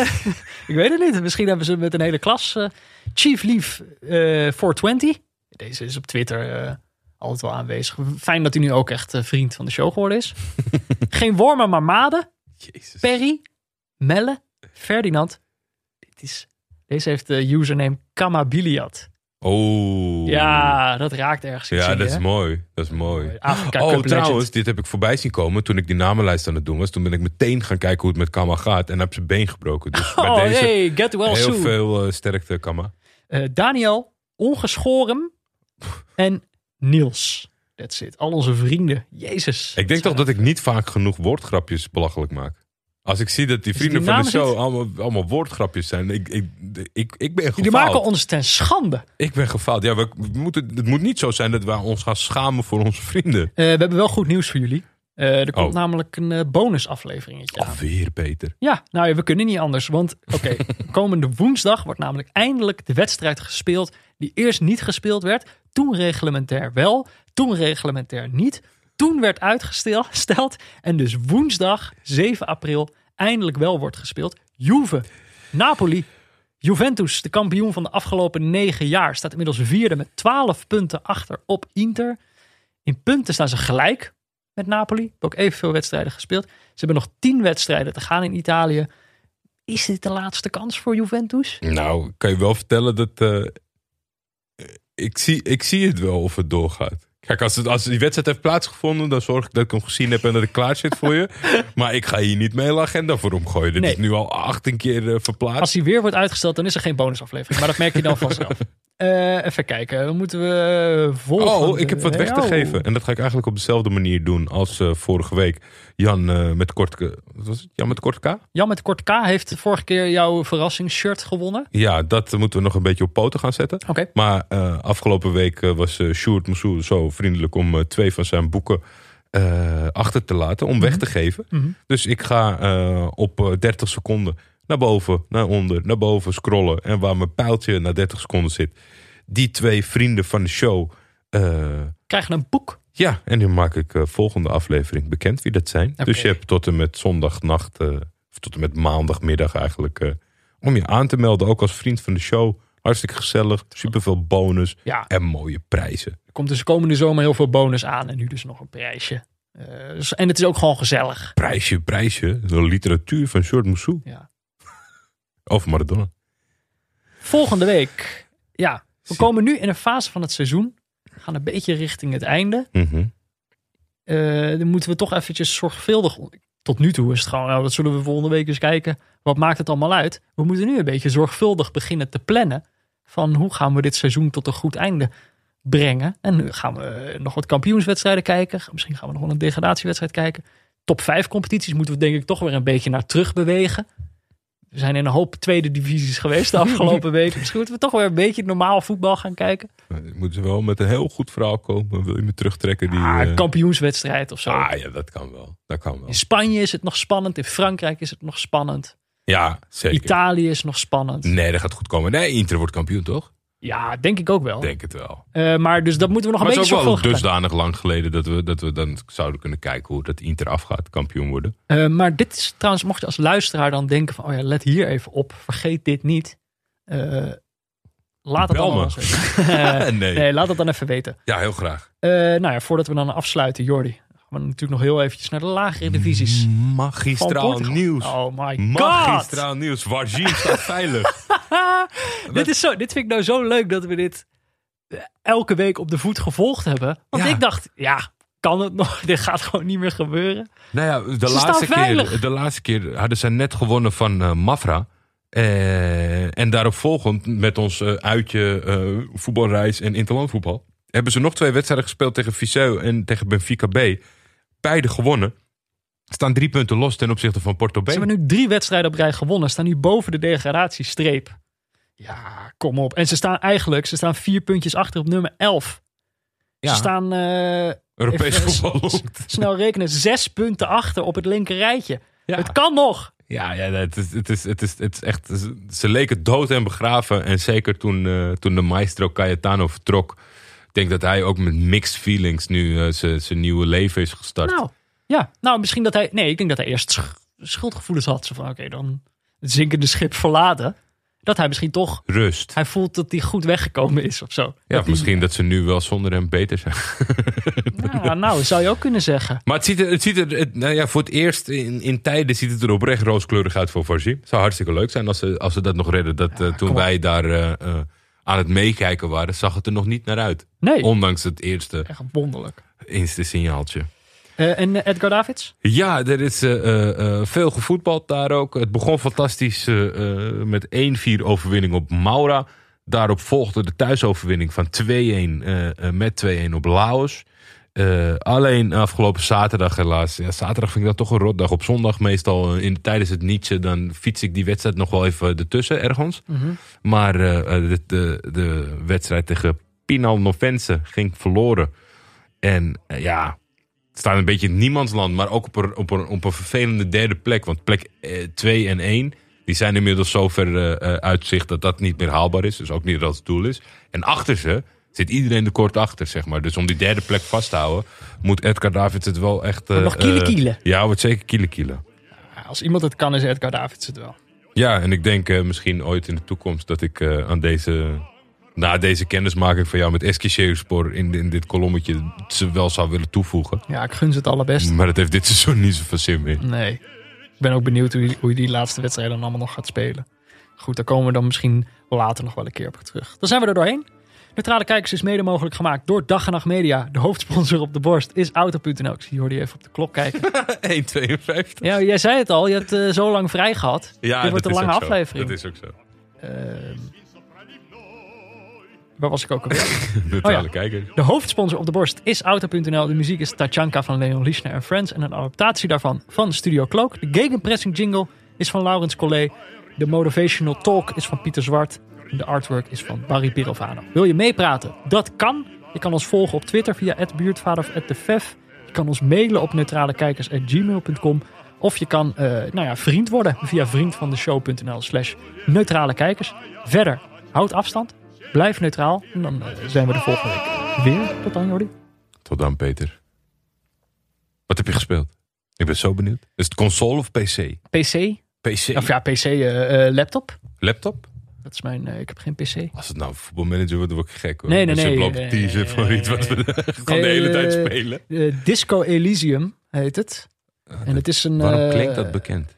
Nou ja, het is wel een, volgens mij een beetje een... eh, hoe moet je dat zeggen? Hoe moet ik dit nou zeggen? Een beetje een cultklassieker. Ehm, en het, waarom je het misschien gehoord hebt, is net... De final cut van het spel is net uitgekomen. Dit was voor mij de reden om het dan eindelijk te gaan spelen. En het is, ja, het is point and click. Ehm, en het is eigenlijk, ik weet ook niet of game het juiste woord is, omdat het eigenlijk, het voelt een beetje als een, een heel creatieve, interactieve manier om, eh, om een verhaal te vertellen. En eigenlijk het verhaal is als volgt. Je bent een detective die een moord moet oplossen. Ehm, maar er is een catch. Namelijk, je bent een alcoholist. En je hebt voorafgaand aan het spel zoveel gezopen. dat je helemaal niks meer weet. Je weet niet meer wie je bent, wat je geschiedenis is. Je weet eigenlijk, je komt er pas achter dat je een detective bent doordat mensen je zo aanspreken. dus terwijl je de moord probeert op te lossen, probeer je ook eigenlijk op te lossen. weer, eh, Je probeert de wereld te ontdekken en je probeert te ontdekken wie je zelf nou eigenlijk bent. En eh, het is zo'n spel waarbij eh, al je keuzes uitmaken. Dus het is Ja. niet zo'n zo'n rechte lijn vooruit. Het is zo'n heel Dus je zou het ook hele boom. Weer opnieuw kunnen spelen dat je een, een ander pad kiest. Ja, nou dat ding. Tegelijkertijd denk ik, Maar het is dus... nu is het zo super spannend en daarom zit ik het dan tot later spelen, omdat ik wil, ik wil zelf die moord oplossen. Ja, Ik denk precies. als ik dat helemaal weet wie het gedaan heeft, dan ben ik er wel. Maar het zou zomaar kunnen. Ik vermoed ook dat het spel niet zo'n helder antwoord heeft aan het einde. Ja, precies. Het- Maar het is dusdanig goed dat je in een, in een, op een niveau zit nu, zeg maar, qua betrokkenheid, dat je dan later langer gaat spelen Het is dan je super eigenlijk vet zou gemaakt. willen. Het is Ja? heel grappig, heel gelaagd. En wat gewoon wel vet is, en dat is wat die Final Cut is. Want het was gewoon een beetje een cultspelletje. Het is niet door een grote, eh, grote, grote Studio. studio gemaakt. Eh, of het helemaal indie is, weet ik ook niet. Maar dus dat, ze, dat het zo'n succes is geworden. Dat ze dus uiteindelijk de middelen hebben gekregen om het spel nog beter te maken. Dus nu is alles door stemacteurs ook ingesproken. En dat is gewoon wel zo vet. Die stemmen zijn zo goed. Dat het echt. eh, ja, het is gewoon een vet spel. Heel anders. Ik heb nog nooit zoiets gedaan. Oké. Eh, nee, Oh, voet- gelijk, nee, inderdaad. eh. De Change of Pace van uh, Football Manager. Het is nu ook op consoles en zo. Dus je kan het ook op PlayStation spelen, geloof ik. Oké. Nou, Ja, wat wilde Tante Piet, waar wilde die het over hebben? Mo Iataren. Oh ja. Mogen wij het eigenlijk niet over hebben? Nee. Kunnen wij niet neutraal over zijn, hebben sommige luisteraars gezegd. Dat vind ik nog wel, dat vind, dat vind ik nog wel het minst interessante, wat die ervan vond. Ik heb hier, Eh. ik heb hier ik, mijn eerste reactie. Oké, om duidelijk te maken, mensen die dit eh, op een of andere reden is gemist. Hij scoort, prachtig doelpunt. Prachtig doelpunt. Schitterende goal. Ook, volgens mij heeft hij dit seizoen al eerder zo precies zo eentje gemaakt. Nee, een soort gelijk, ja. Eh, daarna rent hij naar de camera en hij roept: Niemand Niemand kan mij kapot schrijven of niemand kan mij kapot krijgen. krijgen. Eén van die twee. krijgen. Ik verstond schrijven. Misschien is dat eh Ben jij aan je tweede boek? Freudian slip. ja. Ben ik eh geprimed daarop. Eh, mijn eerste reactie is: vind ik vet. Vind ik gewoon vet. Stukje. eh, Echt, als je zo'n prachtige goal hebt gemaakt, snap ik dat wel. Dat er wat emotie voorbij komt. Tweede gedachte is: kom op. Geef die mensen geen. eh, je, moet ze geen je moet ze geen brood geven. Hmm. Want die zijn ze gewoon weer een paar weken zoet mee. Dus tweede, tweede gedachte was, had je, had je misschien niet moeten doen, was misschien niet slim. Derde gedachte was, wat voor een nationaal gesprek hebben wij eigenlijk gevoerd? Weet ik echt niet meer, hè? Dit is niet een soort slimme gotcha die ik nou ga. Dit is gewoon echt een, wat ik me afvraag. Welk nationaal gesprek hebben we eigenlijk gevoerd nadat Wesley Sneijder fuck you naar Ronald Koeman riep? Dat, ik moest meteen aan dat moment denken Poeh. omdat ik ergens het gevoel heb, en dit misschien klopt dit dus helemaal niet, maar ik heb het gevoel dat we Mo'i Hataren eerder als vijand zien en Wesley Sneijder eerder hebben omarmd als Qua jochie. kwajochie. Sowieso. Sowieso? Sowieso. Jij bent misschien jij bent wat beter ingelezen in ik, ben zijn, ik ben zijn biograaf. Ja, Welkom. maar eh, Nee, maar dat, gevoel heb ik een beetje. Dat ik denk van ja, kom op man, die jonge jongen. Gun hem eens een uitspatting. het, blijft, het blijft natuurlijk wel lastig in de zin... eh, het blijft serieus lastig in tijdsbestek, zeg maar. Ik, er was geen Twitter, denk ik, toen Nee, kleine beetje nee ik denk dus dat deed. dat, ik denk dat dat hem geholpen heeft. VI was nog niet, zeg maar, een soort van... eh, de mening van 800.000 mensen eh, die vanuit een bepaalde hoek is. Nee. Dus dat, dat, dat maakt het wel anders. Je bedoelt het televisieprogramma, hè? Ja. Niet, het- niet het blad. Nee, nee, nee, nee. nee. Oh, Veronica Insight of het- hoe, hoe het nu weer heet. Maar dat, dat is gewoon.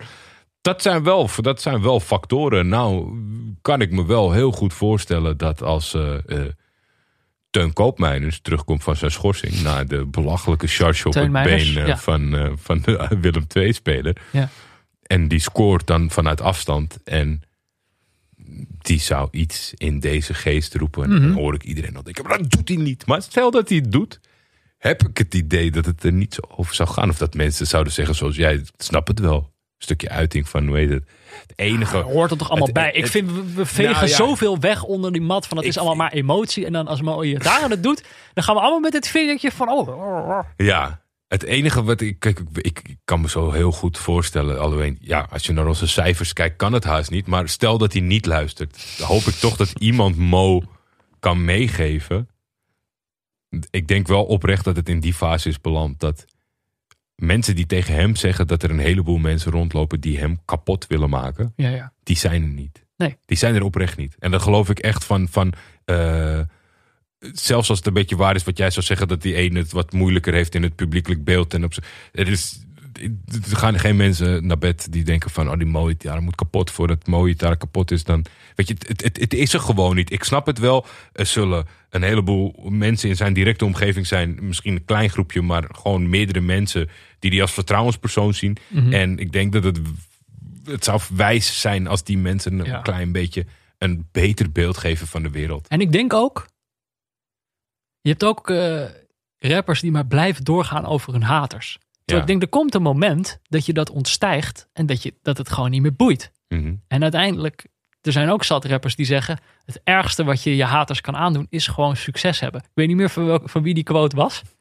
Maar dat is natuurlijk wat voor Mo Iataren ook geldt. Die goal was al, was al de grootste fuck you die je kon geven. Ja, Eh, want er kon niemand zeggen van, kijk, eh, ja, maar met, weet je, wordt- hij- wordt altijd weggezet tegen anderen, zeg maar. Dus dat kon niemand doen, want er zijn niet veel binnen de selectie die dat, eh, die dat hem nadoen.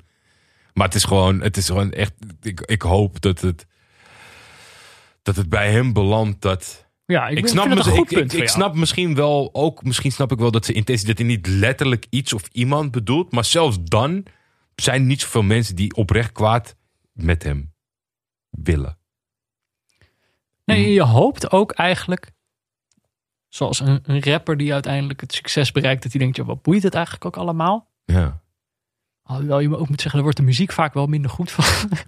maar ehm, hoop je ook dat hij dat stadium op een beetje een rustige manier kan bereiken. En dat hij niet zichzelf opblaast op deze manier. Weet je wel? Mhm. Ik vind het leuk als, als zo'n speler even de confrontatie aangaat. Ik vind het dus ook wel vet als iemand zoiets in de camera roept. Je laat wel echt eh, karakter zien als je Mhm. zoiets doet. Maar ja, ik denk dat het wel de bedoeling is dat je uiteindelijk dat, dat gaat ontstijgen. En ik hoop dan dat het, dat, ja, dat wel. lukt. Maar zeg maar dan binnen, binnen, binnen deze leeftijd. eh, en dat we dan nog zeg maar in de ontwikkeling en hoe die ermee omgaat en wat dan ook. Dan zou ik adviseren bij je volgende doelpunt. Zeg dan gewoon zeg maar echt wat er is in die camera. Dat zou ik super vet vinden. Dat hij zegt, eh, eh, weet ik veel, eh Valentijn Driessen. Jordi Amali, Slecht. fuck you! Slechte column. Weet je, dan ben je wel Ja. die, die boze rapper. Je Ja. mag voor mij die boze rapper zijn wie je wil. En voor onze haters, eh, eh, we, gaan, we gaan nog een Twee uur. We gaan nog een uur door. Als je tot zover hebt geluisterd, dan ben je geen hater, man. Wie hou je voor de gek? De Deventer Mediazaak podcast tip van Ja? Jordi Amali. Maurice de Hond, als je luistert. Ja, nou, als jij luistert. eh. en ik, eh, ik, ik moet nu heel snel terug naar huis fietsen. Ik zat in eh, Oh. As van Jordan Peele. Jordan Peele? Oh, de film. Ja. US. As. As, ja. Ik, Oh. ik- heb je hem gezien? Spannend, hè? Nou, ja, ik... ik, Ik, eh, ja. Waarom duren films altijd zo lang Oh, tegenwoordig? je was op de helft. Ja, nou, ik ben over de helft, maar ik dacht, nou, uur en een, drie kwartier voordat ik op de fiets hier naartoe moet, dat moeten we toch wel redden. In, de- maar nou, dat vind ik even tussendoor, dat ze het snoepte wat tijd van. De film duurt weer twee uur, dus ik heb nog Goed eh, filmpje. bloedspannend een half uurtje te Ja, gaan. ik, maar ik moet ook naar huis. Ik moet nog een moord oplossen. Heb je hem al gezien? Die film. Ja, ja. Voor goed? Ja. Ja? Ja, maar kom op. Wie heeft het gedaan? Jordan Peele. Jordan Peele, kom op. Ja, hoe kan je er niet eh, van houden? Dat denk ik ook een beetje. Ik bedoel, ik kan me wel voorstellen dat... eh, ik vind... Ja, moet ik niet zeggen, je bent nog bezig met die film. Ik ben gewoon wel meer... Ik hou meer van Get Out. Ja, snap ik. Maar, Maar volgens mij is hij dus, want ik heb tussentijds heb ik een documentaire gezien over eh, eh, zwarte mensen met horror. En daar zit hij ook een in, zeg maar, van hoe ze zich daarin hebben Ja. ontwikkeld. En, en volgens mij is deze film is echt gewoon eh, waar hij eh, naartoe op weg was. Hij zegt, leuk als de rest meekijkt, maar ik wil gewoon een zwarte horrorfilm maken voor zwarte mensen met zwarte dingen. En ik heb wel was heel- Get Out ook al. ja, wel. Maar Vind jij minder ik horror? vond die, ja, de, gelaagdheid As is enger, Ja, As is meer echt horror, horror. Wat eigenlijk normaal gesproken een soort scream zou kunnen zijn. Ja. Nee, ben ik ben mee ik nou? Maar ik denk gewoon, kijk, wat ik wel denk bij die films is dat het is wel, het is gewoon vet zolang die film duurt. Daar kan je bij hem helemaal van op aan. En ik vind dat ze allebei ook achteraf, soms heb je gewoon een film gezien die was vet zolang die duurde. En achteraf denk je, nou ja, ik, ik weet niet of dat nou zo goed was. Nee, het is een oude stand. Maar nou ja, ik, zeg maar voor mijn gevoel Get Out meer dan As. Maar ja, Ja, moet je zelf maar over orde. Hebben we het volgende week dan over in de blessure. in de blessuretijd. Muziek. Ik moet heel nodig naar de wc. Ja, dag.